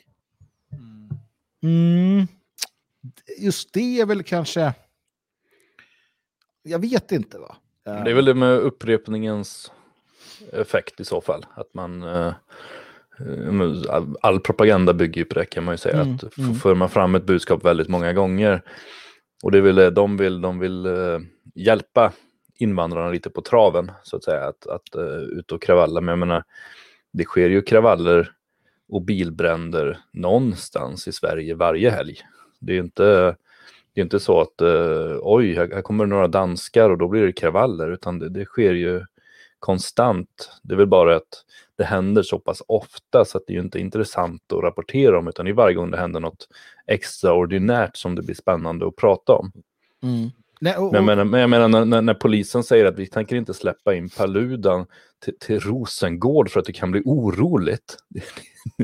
det är inte så att, att det har varit väldigt, väldigt lugnt där väldigt, väldigt länge. Eh, utan det är ju snarare mm, så att Paludan vill ju åka dit för att det är oroligt. Och han mm. vill lyfta frågan på, på, på något sätt där. Um, ja, så jag vet inte. Men, men... Det, det, finns ju en annan, en annan aspekt av det här också som, som, eh, som är värd att ta i beaktande. Det är det som Palme sa en gång i tiden, att varje folks befrielse måste vara deras egen. Uh, eftersom jag inte tillhör falangen som uh, helt bara sådär tycker att det här är det bästa som hänt sen skivat bröd, utan jag kan problematisera det. Men eh, alltså, är det inte, finns det inte ett, ett, problem i att det är en dansk eller ett gäng danskar som kommer in över gränsen, kommandoräder, bränner, åker tillbaka. Och det var till liv. Och sen så när, när vi själva skulle göra det i helgen då, eh, då var det just det här eh, liksom sex på morgonen och på natten någonstans och sådär. Jag menar, finns det inte något i det? Att, jag men, så här, alltså, kan inte, kan det inte liksom bli till och med motsatt effekt, tror ni? Att så här, ja ja, eh. ja, jag är lite rädd för det, men vi får ju se. Det, det kan ju hända att eh, alla de här eh, uh, Twitter-figurerna uh, som just nu håller på och anklagar uh, oss till exempel för att vi är fega när inte vi går ut och bränner böcker. Eh, det, det, kan ju hända att alla de går ut här nu så småningom, så det ligger en massa jävla aska överallt i hela landet så småningom och det kanske blir en liten folkrörelse. en, en elda böcker-folkrörelse. det är en väldigt konstig tid vi lever i, men, men det kan ju hända och det, det kanske kan stärka dem. Varje person som eldar upp en sån bok kanske känner att fan nu har jag börjat uh, engagera mm. mig och så kanske det kan leda vidare. Det där är ju absolut bästa fall. Eh, absolut värsta fall är snarare att vi får ytterligare lagförbud och att ehm, eh, ja, det enda det leder till är att muslimerna stärks eh, på, på, olika sätt, vilket vore olyckligt för, för den icke-muslimska befolkningen. Eh, jag, tror inte det, jag, jag, tror att vi hamnar någonstans mittemellan. Jag tror inte det leder speciellt långt alls. Inte så som det har utvecklat sig nu. Jag tycker att när vi hade med oss Rasmus så tyckte jag att han argumenterade bra för sin sak, varför han ville göra det. Eh, jag kunde köpa hans argument, men nu blev det inte som han hade tänkt sig, utan snarare som vi förutspådde att det skulle bli. Och då är det nog dags att tacka för sig. Liksom inte fortsätta utannonsera och sen att det inte händer någonting. Det, det tror jag inte leder någonstans. Nej, men sen blir det ju också... Han får hitta på något nytt i så fall läser i, i chatten så här att ja, men här senast då eh, Gunilla skriver att Paludan vill visa att islam ska inte slå över svensk lag. Han har fått massor av uppmärksamhet nu i media överallt. Vad spelar det för roll att Paludan får uppmärksamhet i svensk media? Vi kan ju inte rösta på honom. Mm. Alltså han som person i Sverige är ju, alltså Storm Kurs är ett danskt parti. Eh, jag läste någonstans att, eh, ma, ma, att han gör det här, den analysen att han gör det här för att han får väldigt lite publicitet i, i Danmark. Att det är ingen som bryr sig om hans koranbränningar längre, i princip. Um, och att, att det har liksom uh, det politiska läget har förändrats så pass, framförallt med då danska socialdemokratins uh, regelrätta uh, svängning i frågan och, och som numera driver ganska sådär, uh, ja, i svensk kontext, rasistisk politik kanske man ska säga. Men att, att det då, um, att, att, han, att han vänder blicken mot Sverige för att på något sätt då polarisera och visa upp och så vidare. Men, och det är möjligt, och det, alltså, återigen, han, jag har inga problem med, med själva uh, rätten att göra det han vill göra eller har gjort. Och så. Frågan är bara vad tjänar vi på det? Och det är det, så, så vill jag se allting. Hur tjänar vi i Sverige, svenskarna, på det ena eller andra eller tredje? Va? Uh, och, och, och jag, som sagt, uh, jag, jag, är, jag är tveksam, men vi får se. Det är ju inte, det har inte, det är inte klart ännu. Men om jag tittar på hur debatten går, hur diskussionen går, hur lagen används, hur man nu eh, vrider HMF-lagen och sådär, så, så ja, jag tror som Björn där, vi hamnar någonstans mittemellan helt enkelt. Men att, att visa att islam är på ett visst sätt, uh, jag menar, det finns ju fall där sharia har inkorporerats i svensk domstol till exempel och, så vidare. Det finns massor med exempel på hur islam påverkar Sverige. Um, sen är inte islam det, det, det är liksom det enda problemet heller. Så att um, jag blir skeptisk varje gång allting fokuseras på det. Mm. När någon vill att det enda vi ska fokusera på är islam. För det finns mycket annat i Sverige uh, som, uh, som de inte har att göra med men som är nog så problematiskt. Mm. Ja, nej, jag, nu är jag klar. nu är det klart, okej. Okay. Nu är jag klar med. Ja, bara för att knyta ihop det då, så vi får väl se hur, uh, vad som händer här framöver. Om de ska fortsätta med de här koranbränningarna, vad, vad, vad idén är, jag vet inte. Vad det kommer få för, uh, för respons. Uh, om vi kommer vara tvungna att Ebba Busch kommer kräva att vi börjar bygga fängelser i Danmark. Så vi kan mm. hålla hatare i fängelse där. Uh, vi, vi, får se helt enkelt hur det här utvecklas. Uh, men jag fortsätter ställa mig rätt skeptisk till hela, uh, hela, hela grejen. men ibland blir man poppar popcorn och tittar, ja, men nu, nu kör de. det, det är väl som underhållning liksom. Mm. Jo, men det är spännande med yttrandefrihetsdebatter, det tycker jag. Så på ja, så sätt är det ju någonting man följer. Men men jag tror inte att det kommer hända så mycket mer just i... i, i um, alltså han, om han kommer tillbaka en gång till, visst han fick rätt mycket uppmärksamhet nu andra gången också. Inte lika mycket som första gången, men menar en tredje gång. Vad, vad, ska de skriva? Nu kommer han igen. Alltså det är lite som uh, gruppvåldtäkter. Det är spännande för journalisterna de två första gångerna, men sen blir det bara en liten notis någonstans. Men sen, sen, finns det faktiskt också en annan aspekt av det här som, som och där, eh, det tycker jag är den största förtjänsten och där tackar jag Paludan för, för det.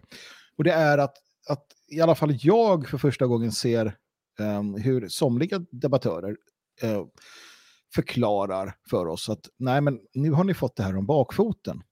Yttrandefriheten handlar inte om din rätt att bränna Koranen eller säga att kristendomen är skit eller att ja, vad det nu kan vara.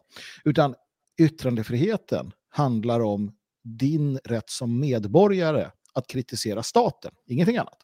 Det handlar inte om de mellanmedborgerliga frågor, absolut inte, utan det handlar om att du ska få kritisera staten, alltså du ska få säga att staten är skit, staten borde störtas, staten borde rivas ner och byggas upp något annat, staten, staten, staten. Det är yttrandefrihet i Sverige, ingenting annat.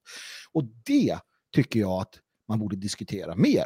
För det är en intressant um, konsekvens av hur, hur diskussionen har gått i somliga delar. För de flesta trodde nog att yttrandefrihet handlade om din rätt att yttra dina åsikter. Men enligt de här personerna så är det inte så. Precis som att demokrati, när Rosenberg fick förklara vad det handlar om, det handlar inte alls om det du trodde, utan det handlar om att skydda minoriteter, judar, muslimer och liknande i Sverige. Det var demokrati. Inte att rösta om Brexit eller Svexit då, eller någonting sånt. Eh, den debatten, det, eller den, den frågan är ju död. Utan det är så här, Paludan, en, en glad dans som kommer att bränna Koranen. Men vad är det de säger egentligen? Vad är yttrandefriheten? Den debatten, den är ju viktig. Och här har du ju eh, så väl illustrerat skillnaden på hur den amerikanska konstitutionen är uppbyggd och hur eh, svensk grundlag fungerar. Alltså att den amerikanska konstitutionen garanterar eh, dina friheter och rättigheter gentemot staten. Alltså din rätt till yttrandefrihet. Och för att backa upp det här så ska du också ha rätt att äga och bära vapen eh, Mm. och bilda miliser och så vidare. För att staten inte ska kunna bli tyrannisk och ta ifrån dig de här rättigheterna. Kontraktet mellan medborgare och stat är att de här rättigheterna får ni aldrig röra. Medan Sverige är tvärtom. Man skulle kunna säga att när staten då eh, grundas så har du noll rättigheter. Och sen är det staten som ger dig rätten. Nu har vi gett dig rätt att göra det här. Nu har vi gett dig den här rättigheten. Medan eh, liksom i USA så är det tvärtom. Att det är liksom, vi skyddar våra rättigheter från, så staten inte kan ta dem ifrån oss. Eh, och eh, Det här är ett typexempel på det. För att i USA är det självklart att, att yttrandefriheten också gäller den liksom mel- mellanmedborgerliga eh, samtalet. Eh, men medan det i Sverige inte är det. För att det är bara en rättighet som staten har gett dig och när som helst kan ta tillbaka. Just det. Och det är där debatten borde ha hamnat. Det är det vi borde ha pratat mer om, inte Paludan och kors koranbränningar generellt sett. Korsbränning däremot, det ska Ja, det är förbjudet. Eh, Det får man inte göra heller. Inte för att man skändar eh, kristendomen, eh, vilket man inte gör. En, en, alltså det beror lite grann på. Det, det handlar om att lysa upp korset. Det kan man göra, det är hedervärt. Bränna kors, då är man ju typ satanist eller någonting. Alldeles oavsett, du får inte tända eld på ett kors i Sverige. Inte för att det på något sätt skulle vara kristna som blir arga, utan för att Ku Klux Klan gör det i USA. Och då är det hat mot andra. Som vanligt då. Ja. Eh, men i alla fall, nej, så är det. Vi ska eh, som sista ämne för kvällen prata svensk inrikespolitik och vi är precis emellan två val. Eh, det är två år kvar till nästa ordinarie val i Sverige. Inget kunde vara mer ointressant, men vi ska trots det tala om Uffe Kristersson, Tuffe Uffe eh, och hans utspel. För att det, det började med att Sverigedemokraterna, eh, åtminstone Jimmie Åkesson, gick ut och sa att han eh, skulle kunna tänka sig bli justitieminister i eh, en framtida eh, regering av ett konservativt block. Och i Ekots lördagsintervju så sa Tuffe Uffe, partiledare för Moderaterna, att det är inte aktuellt överhuvudtaget att sitta i regering med Sverigedemokraterna. Partierna tycker alldeles för olika i frågan om bland annat EU. Alltså, eh, Sverigedemokraterna vill vara kvar i EU, Moderaterna vill vara kvar i EU. De tycker helt olika. Och ni har jättemycket att välja på, Gojen. Kom igen nu. Det är olika de här partierna. Ehm, och, eh, det, ja, det, det är inte aktuellt överhuvudtaget. Han kan möjligtvis liksom, han kan tänka sig ha budgetsamarbeten och så vidare, men de kommer inte få vara i någon regering. De kommer inte få några ministerposter. Tror vi på detta? Eh, eller kommer vi få se en eh, inbjudan till SD att sitta med i en regering 2022? Mm. Jag, jag, jag svarar snabbt. Tuffe Uffe sa innan valet att han kommer aldrig prata med SD. Han kommer aldrig överhuvudtaget på något sätt någonsin i sitt liv ens eh, glätta på dörren och säga hej till Sverigedemokraterna. Det är helt osannolikt. Det har, gör han ju nu. Så att han kan lika gärna eh, skita i det här också. Han är politiker, han ljuger. Eh, det kommer sitta långt inne, kommer vara jobbigt. eh, men någon gång, någonstans och någon måste bryta tabuet. Eh, och SD måste få komma in i värmen. Det, det, det är den naturliga eh, konsekvensen av det vi ser. Björn? Mm. Eh, jag tänker lite grann så här först. Att när Alliansen bildades, eh, jag kommer inte ihåg vilket val det var inför, men det var ju strax innan Reinfeldt valdes till statsminister. Då stod ju de där de hade badat i någon tunna eller vad det var, hemma hos Maud Olofsson.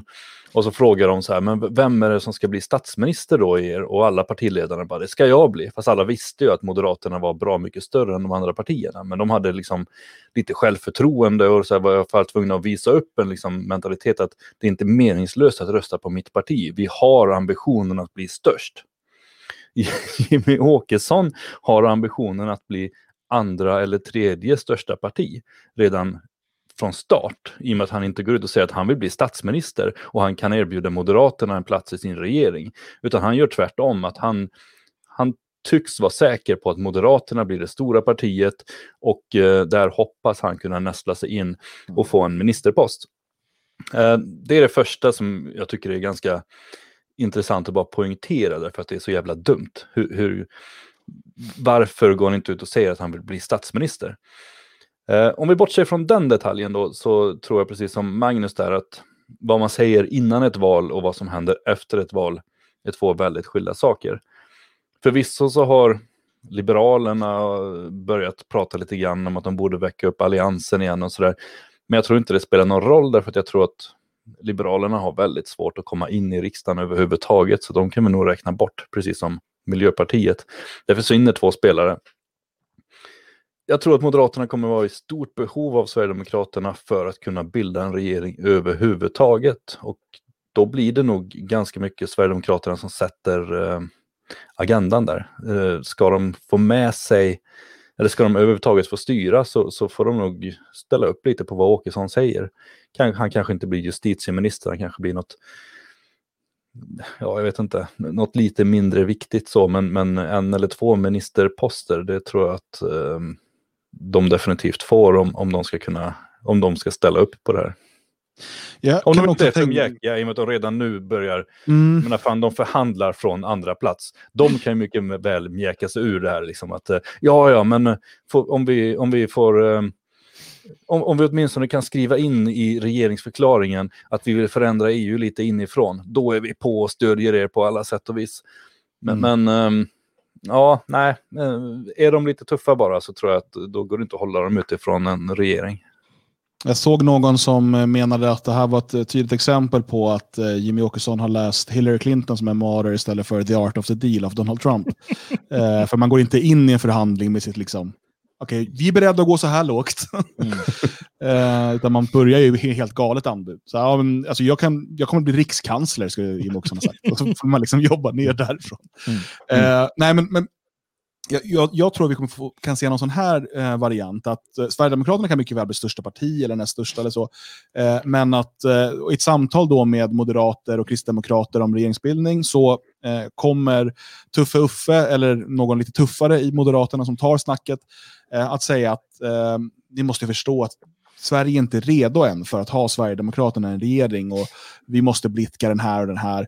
Eh, men vi mm. kommer ge er det här och det här inflytandet till budgeten och det. Och till nästa val, då är Sverige redo. Då har ni liksom, man måste ta det här steg för steg. Så att om ni stöttar oss nu och ni går, vi får igenom vår budget och ni ser till att rösta med oss till de här frågorna och så får ni lite sådana här äh, saker med. Eh, så till nästa val, då lovar vi, för vi är politiker och vi ljuger inte, eh, då kommer ni få vara med och leka i regeringen. Mm. Ja, det, är inte, det, är inte, det är inte osannolikt. Eh, det som skulle kunna sätta allting, bara kasta allting åt, åt skogen, det är att, att Socialdemokraterna äh, dumpar Löfven och blir någon form av, äh, vad ska man säga, nationellt, socialistiskt, gamla liksom sådär för att typ radera ut SD uh, och så vidare och så vidare. Skulle inte förvåna mig. Uh, som sagt, det är ett maktparti utan dess like. Um, jo, men saken är ändå den att sossarna klarar inte av det nu. Alltså de, om de skulle byta partiledare som byter inriktning, mm. de är fortfarande beroende av Liberalerna och Centerpartiet och Miljöpartiet för att kunna styra. De kan inte byta politisk inriktning. Mm. Och då kommer den nya partiledaren bli nedsmetad av allt det här äckliga som de andra partierna står för. Mm. Så att jag tror också att de kommer att gå en sundare inriktning Sen hur sund återstår att se. Men jag tror de kommer gå till en sundare inriktning, men jag tror att de är tvungna att förlora ett val först. För att sen sätta in en ny partiledare. Löfven avgår redan så fort det är klart att mm. nu kan han inte hålla sig kvar längre. Då avgår han, så har de tre och ett halvt, fyra år på sig att jobba in en ny image, en ny partiledare. Mycket hakkorsflaggor kommer det vara. Mm. Nej, det kommer vi inte. Vet kommer... Ju att de var de, vi vet ju att det var de första nazisterna, socialdemokratin. Viktiga nazisterna. Ja, Aron ja. Flam har faktiskt eh, berättat att de håller på att arifiera Sverige. Det hörde alltså... jag i Det, det, står väl i hans bok också, men jag lyssnade på hans intervju nu med Navid Modiri, Hur kan vi? Eh, och Sverige höll på med en arifiering av samhället samtidigt som Tredje riket och, och judar fick inte jobba och sånt där i Sverige på 40-talet. Sverige sen, var liksom ariskt på den tiden. Jag vet inte. Sen, eh, De behövde inte det. Jag tror att, jag tror att Björn, du, du har rätt. 2022 så blir det eh, kanske då KD, Moderaterna och SD på något sätt. Eh, sen 2026, är det nästa då? Ja, ja det om det inte blir något ja. eh, sånt där extra val. Men då blir det eh, Socialdemokraterna och Sverigedemokraterna. Um, och det kommer kunna hålla på ett bra tag framöver. SS-demokraterna. Ja, ja, ja. För att de två passar som handen i handsken. Uh, Jimmy vill hellre uh, umgås med ett mer nationalistiskt gammalt sosseri än mm. med konstiga moderater och KD-are. Absolut. Och, och, och, och de profilerar sig väldigt mycket åt höger, vilket, vilket mm. jag tror att de har fått väldigt många på viktiga poster i partiet som är genuint mycket mer höger än vad, alltså liberal höger än, än vad Åkesson och Jomshof till exempel eh, i alla fall tidigare har varit. Men tänk, man och Åkesson, ju... han kan ju inte sitta hur länge som helst heller. Nej, men tänk, tänk i Tyskland, där hade vi ju KDU och, och alltså sossar och, och konservativa, sossar och, moder, sossar och kristdemokrater. Mm. Um, varför, alltså moderater... Vi kan säga att CDU är ju, alltså det är väl egentligen Moderaterna, fast ja. såklart värdekonservativa på ett annat sätt. Precis, men i Sverige har man ju pratat om att, alltså, att blockpolitiken måste upphöra. M och eh, S måste liksom gå ihop och, och, nu får det vara slut på det här. Men då kanske det är M och SD som går ihop, för att M spelar ut sin roll. Nu är vi ju väldigt långt ute och spekulerar här, men alltså, ingenting är omöjligt i detta. Eller så blir Putin eh, president i Sverige 2026. Mm. Välkommen. Vi bara väntar. Vi väntar på vi. dig, kamrat Vladimir. Som Emil skriver här, S har alltid varit ett nazistiskt parti i grund och botten. Det är de gamla nazisterna. Uh, jag, jag, tror också att... Uh, det är Muhammed, jag vet inte vem som har först. Nej, men sossarna kommer ta en, en, en, en ännu mer svängning åt... Ah, jag, ja, fan, det är svårt. Ja, eller så sörjer de sig helt till, till liksom, uh, det nya Alltså som vi får se, som, som demokraterna i USA, de har ju blivit tokiga.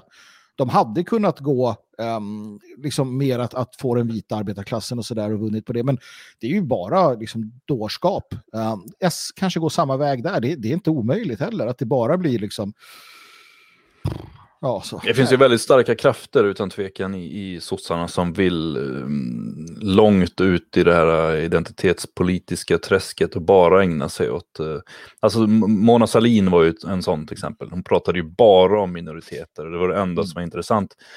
Och sen så blev ju hon uh, ersatt av lite mer sansade uh, politiker som såg till att sossarna räddades kvar. Jag vet inte om, om, den, om några år, om man kommer ihåg Mona Sahlin och vad hon ställde till med, hon verkligen sänkte sitt parti. Eh, annars kan hon gå dit igen. Men, men, eh... Sen har du ju, internt i sossarna har du också den här vänsterfalangen, Daniel Suhonen-falangen. Eh, mm. Som jag tror kan få ett uppsving i och med, vi får se vad som händer nu efter corona och så vidare med, med ekonomin. Mm. Eh, men eh, vi vet ju liksom att när, när det blir mer knapert eh, och så vidare så blir det ett uppsving för socialistiska idéer. Mm. Eh, av nat naturliga skäl. Eh, och eh, då kanske den falangen får, får starkt. Den är, nu har den ju svårt att få makten i partiet för att mm. så kallade högersossarna, alltså Löfvens vad man ska kalla det för, mittensossar, maktsossar skulle jag vilja kalla dem.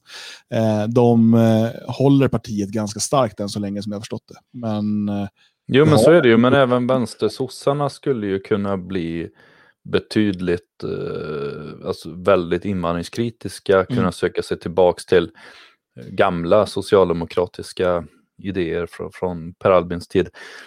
Eh, utan att för den del tappa den eh, ekonomiska vänsterpolitiken. Jag, jag mm. tror att eh, det skulle nog kunna vara ett väldigt vinnande koncept faktiskt. För att kunna attrahera svenska arbetare, för det är ju någonting de håller på att tappa fullständigt.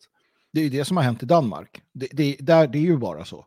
jag menar, eh, Dansk Folkeparti och eh, de här eh, borg, nyborgerligheter de heter, de, de, eh, alltså dansk socialdemokrati har ju fått en rejäl renässans. Um, I och med att de, de svängde som de gjorde och blev någon form av liksom, invandrarkritiskt um, på sitt eget sätt. Så att uh, alla tittar ju på Danmark och Danmark, det är så mycket Danmark nu så vem vet, sossarna där kanske, eller sossarna här kanske tittar på Danmark och säger ja, nej, men vi gör så här. Mm. Efter att ha förlorat ett val, varför inte? Mm. Mm. Ja, eh, det är som sagt två år kvar till, eh, till ordinarie val om ingenting eh, händer innan dess. Eh, vilket vi får se nu. Alltså Miljöpartiet eh, hotar att lämna regeringen titt som tätt. Och sådär. Mm. Men jag, jag, tror att de håller, de håller nog kvar det här på något sätt fram till eh, 2022. Eh, så får vi följa upp det då helt enkelt. Ja, det är ju inte värt för något av partierna att uh, tjafsa bort det här nu och skapa nyval. Nej. Möjligen när det är ett halvår kvar och de säger att alltså, sista budgeten, då kommer de ju splittras. För då måste ju alla visa vad de egentligen tycker och vad de egentligen mm. står för. Uh, för att nu är egentligen ingen är ju nöjd just nu med, mm. med politiken som förs, utan alla är ju väldigt missnöjda. Det är ju det är en form av uh, sämsta varianten av kompromisser, liksom, där ingen får igenom sina kärnfrågor och ingen Eh, får egentligen igenom någonting som de vill ha, utan den ena sidan är bara så nöjda och glada med att Sverigedemokraterna inte är med, samtidigt då som Sverigedemokraterna har stärkts i den andra gruppen. Så att, äh, allting är ju jätterörigt, så jag tror att uh, när det är ett halvår kvar ungefär, då, då kommer ju alla försöka börja visa att de tycker någonting, för nu tycker ju ingen något. Mm. Kära vän, eh, den här eh, kvällen börjar lida mot sitt slut. Eh, om du inte är det, se till att bli medlem i föreningen Det fria Sverige på detfriasverige.se. Vi har inte ens hunnit prata om idag att vi vann en juridisk kamp för att stoppa ett moskébygge i Karlstad. Du kan läsa om det på detfriasverige.se. Kampen går vidare. Och eh, såklart, om du vill höra fler poddar ifrån Svegot, teckna en prenumeration på Svegot Plus på svegot.se plus. Eh, och det är också så du kan stödja det här programmet. Eller du kan också eh, swisha en gåva, en donation till 123 510 5762. Märk gåvan med eh, gåva Svegot så hamnar det rätt i bokföringen. Eh, och så glöm inte bort tidskriften Nationalisten, Sveriges enda nationalistiska tidskrift, kommer ut en gång i månaden, eh, men går också att läsa digitalt på nationalisten.se. Magnus, hur ser din vecka ut? Vad händer det för kul? Ja du, det är eh, en hel del. Förbereda budkavlen för nästa lördag. Uh, och sen jobba med det, det, som ska jobbas med här på, på kontoret i Svenskarnas hus. finns uh, som sagt mycket att göra. Så att, uh, jag ser fram emot den här veckan faktiskt. Så ska jag ju också göra den där budkabeln från förra veckan i ny tappning. så vi får ut den någon gång. och sådär. Härligt. Björn, har du något spännande för i veckan? nej, jag ska jobba, arbeta och ha mig. Jag har haft lite lätt förkylning, så här, lite täppt har jag varit så att jag har inte eh, kunnat spela in någonting på ett tag. Ska se om jag orkar det, men jag eh, hyser inga större förhoppningar. Däremot ska det bli fint väder i helgen så jag ska ut i naturen. Jag har ju missat det nu två helger i rad. Naturen saknar mig. Mm. Det eh, ser naturen såklart fram emot. Själv ska jag faktiskt till Danmark. Eh, inte med träffa Paludan dock. Och inte bränna koraner. Får se. Man kanske ska ge igen lite. Komma och bränna lite koraner i deras land. Så roligt det är. Eh, ja kommer ni inte gilla vad danskar. Uh, nej, uh, jag ska faktiskt hålla ett tal, en föreläsning, en presentation uh, utav um, arbetet med Det fria Sverige och Europa Terra Nostra. Uh, men Tyvärr så är det fullbokat och så vidare för att Danmark fick för sig att återigen ändra sina coronaregler så man kan vara max 50 personer där nu. Så de kan inte ha in några fler. Hela Danmark? Ja, det, det är lugnt. De är inte så många. Alla heter Preben och så är det 47 stycken. Mm. Uh, så att det, jag får rapportera från det helt enkelt uh, nästa måndag. Jag se om jag kanske till och med lyckas spela in någonting. Men nu är vi väl nöjda och klara för den här kvällen va grabbar? Ja, det tycker jag att vi är. Det. Ja. Bra! Då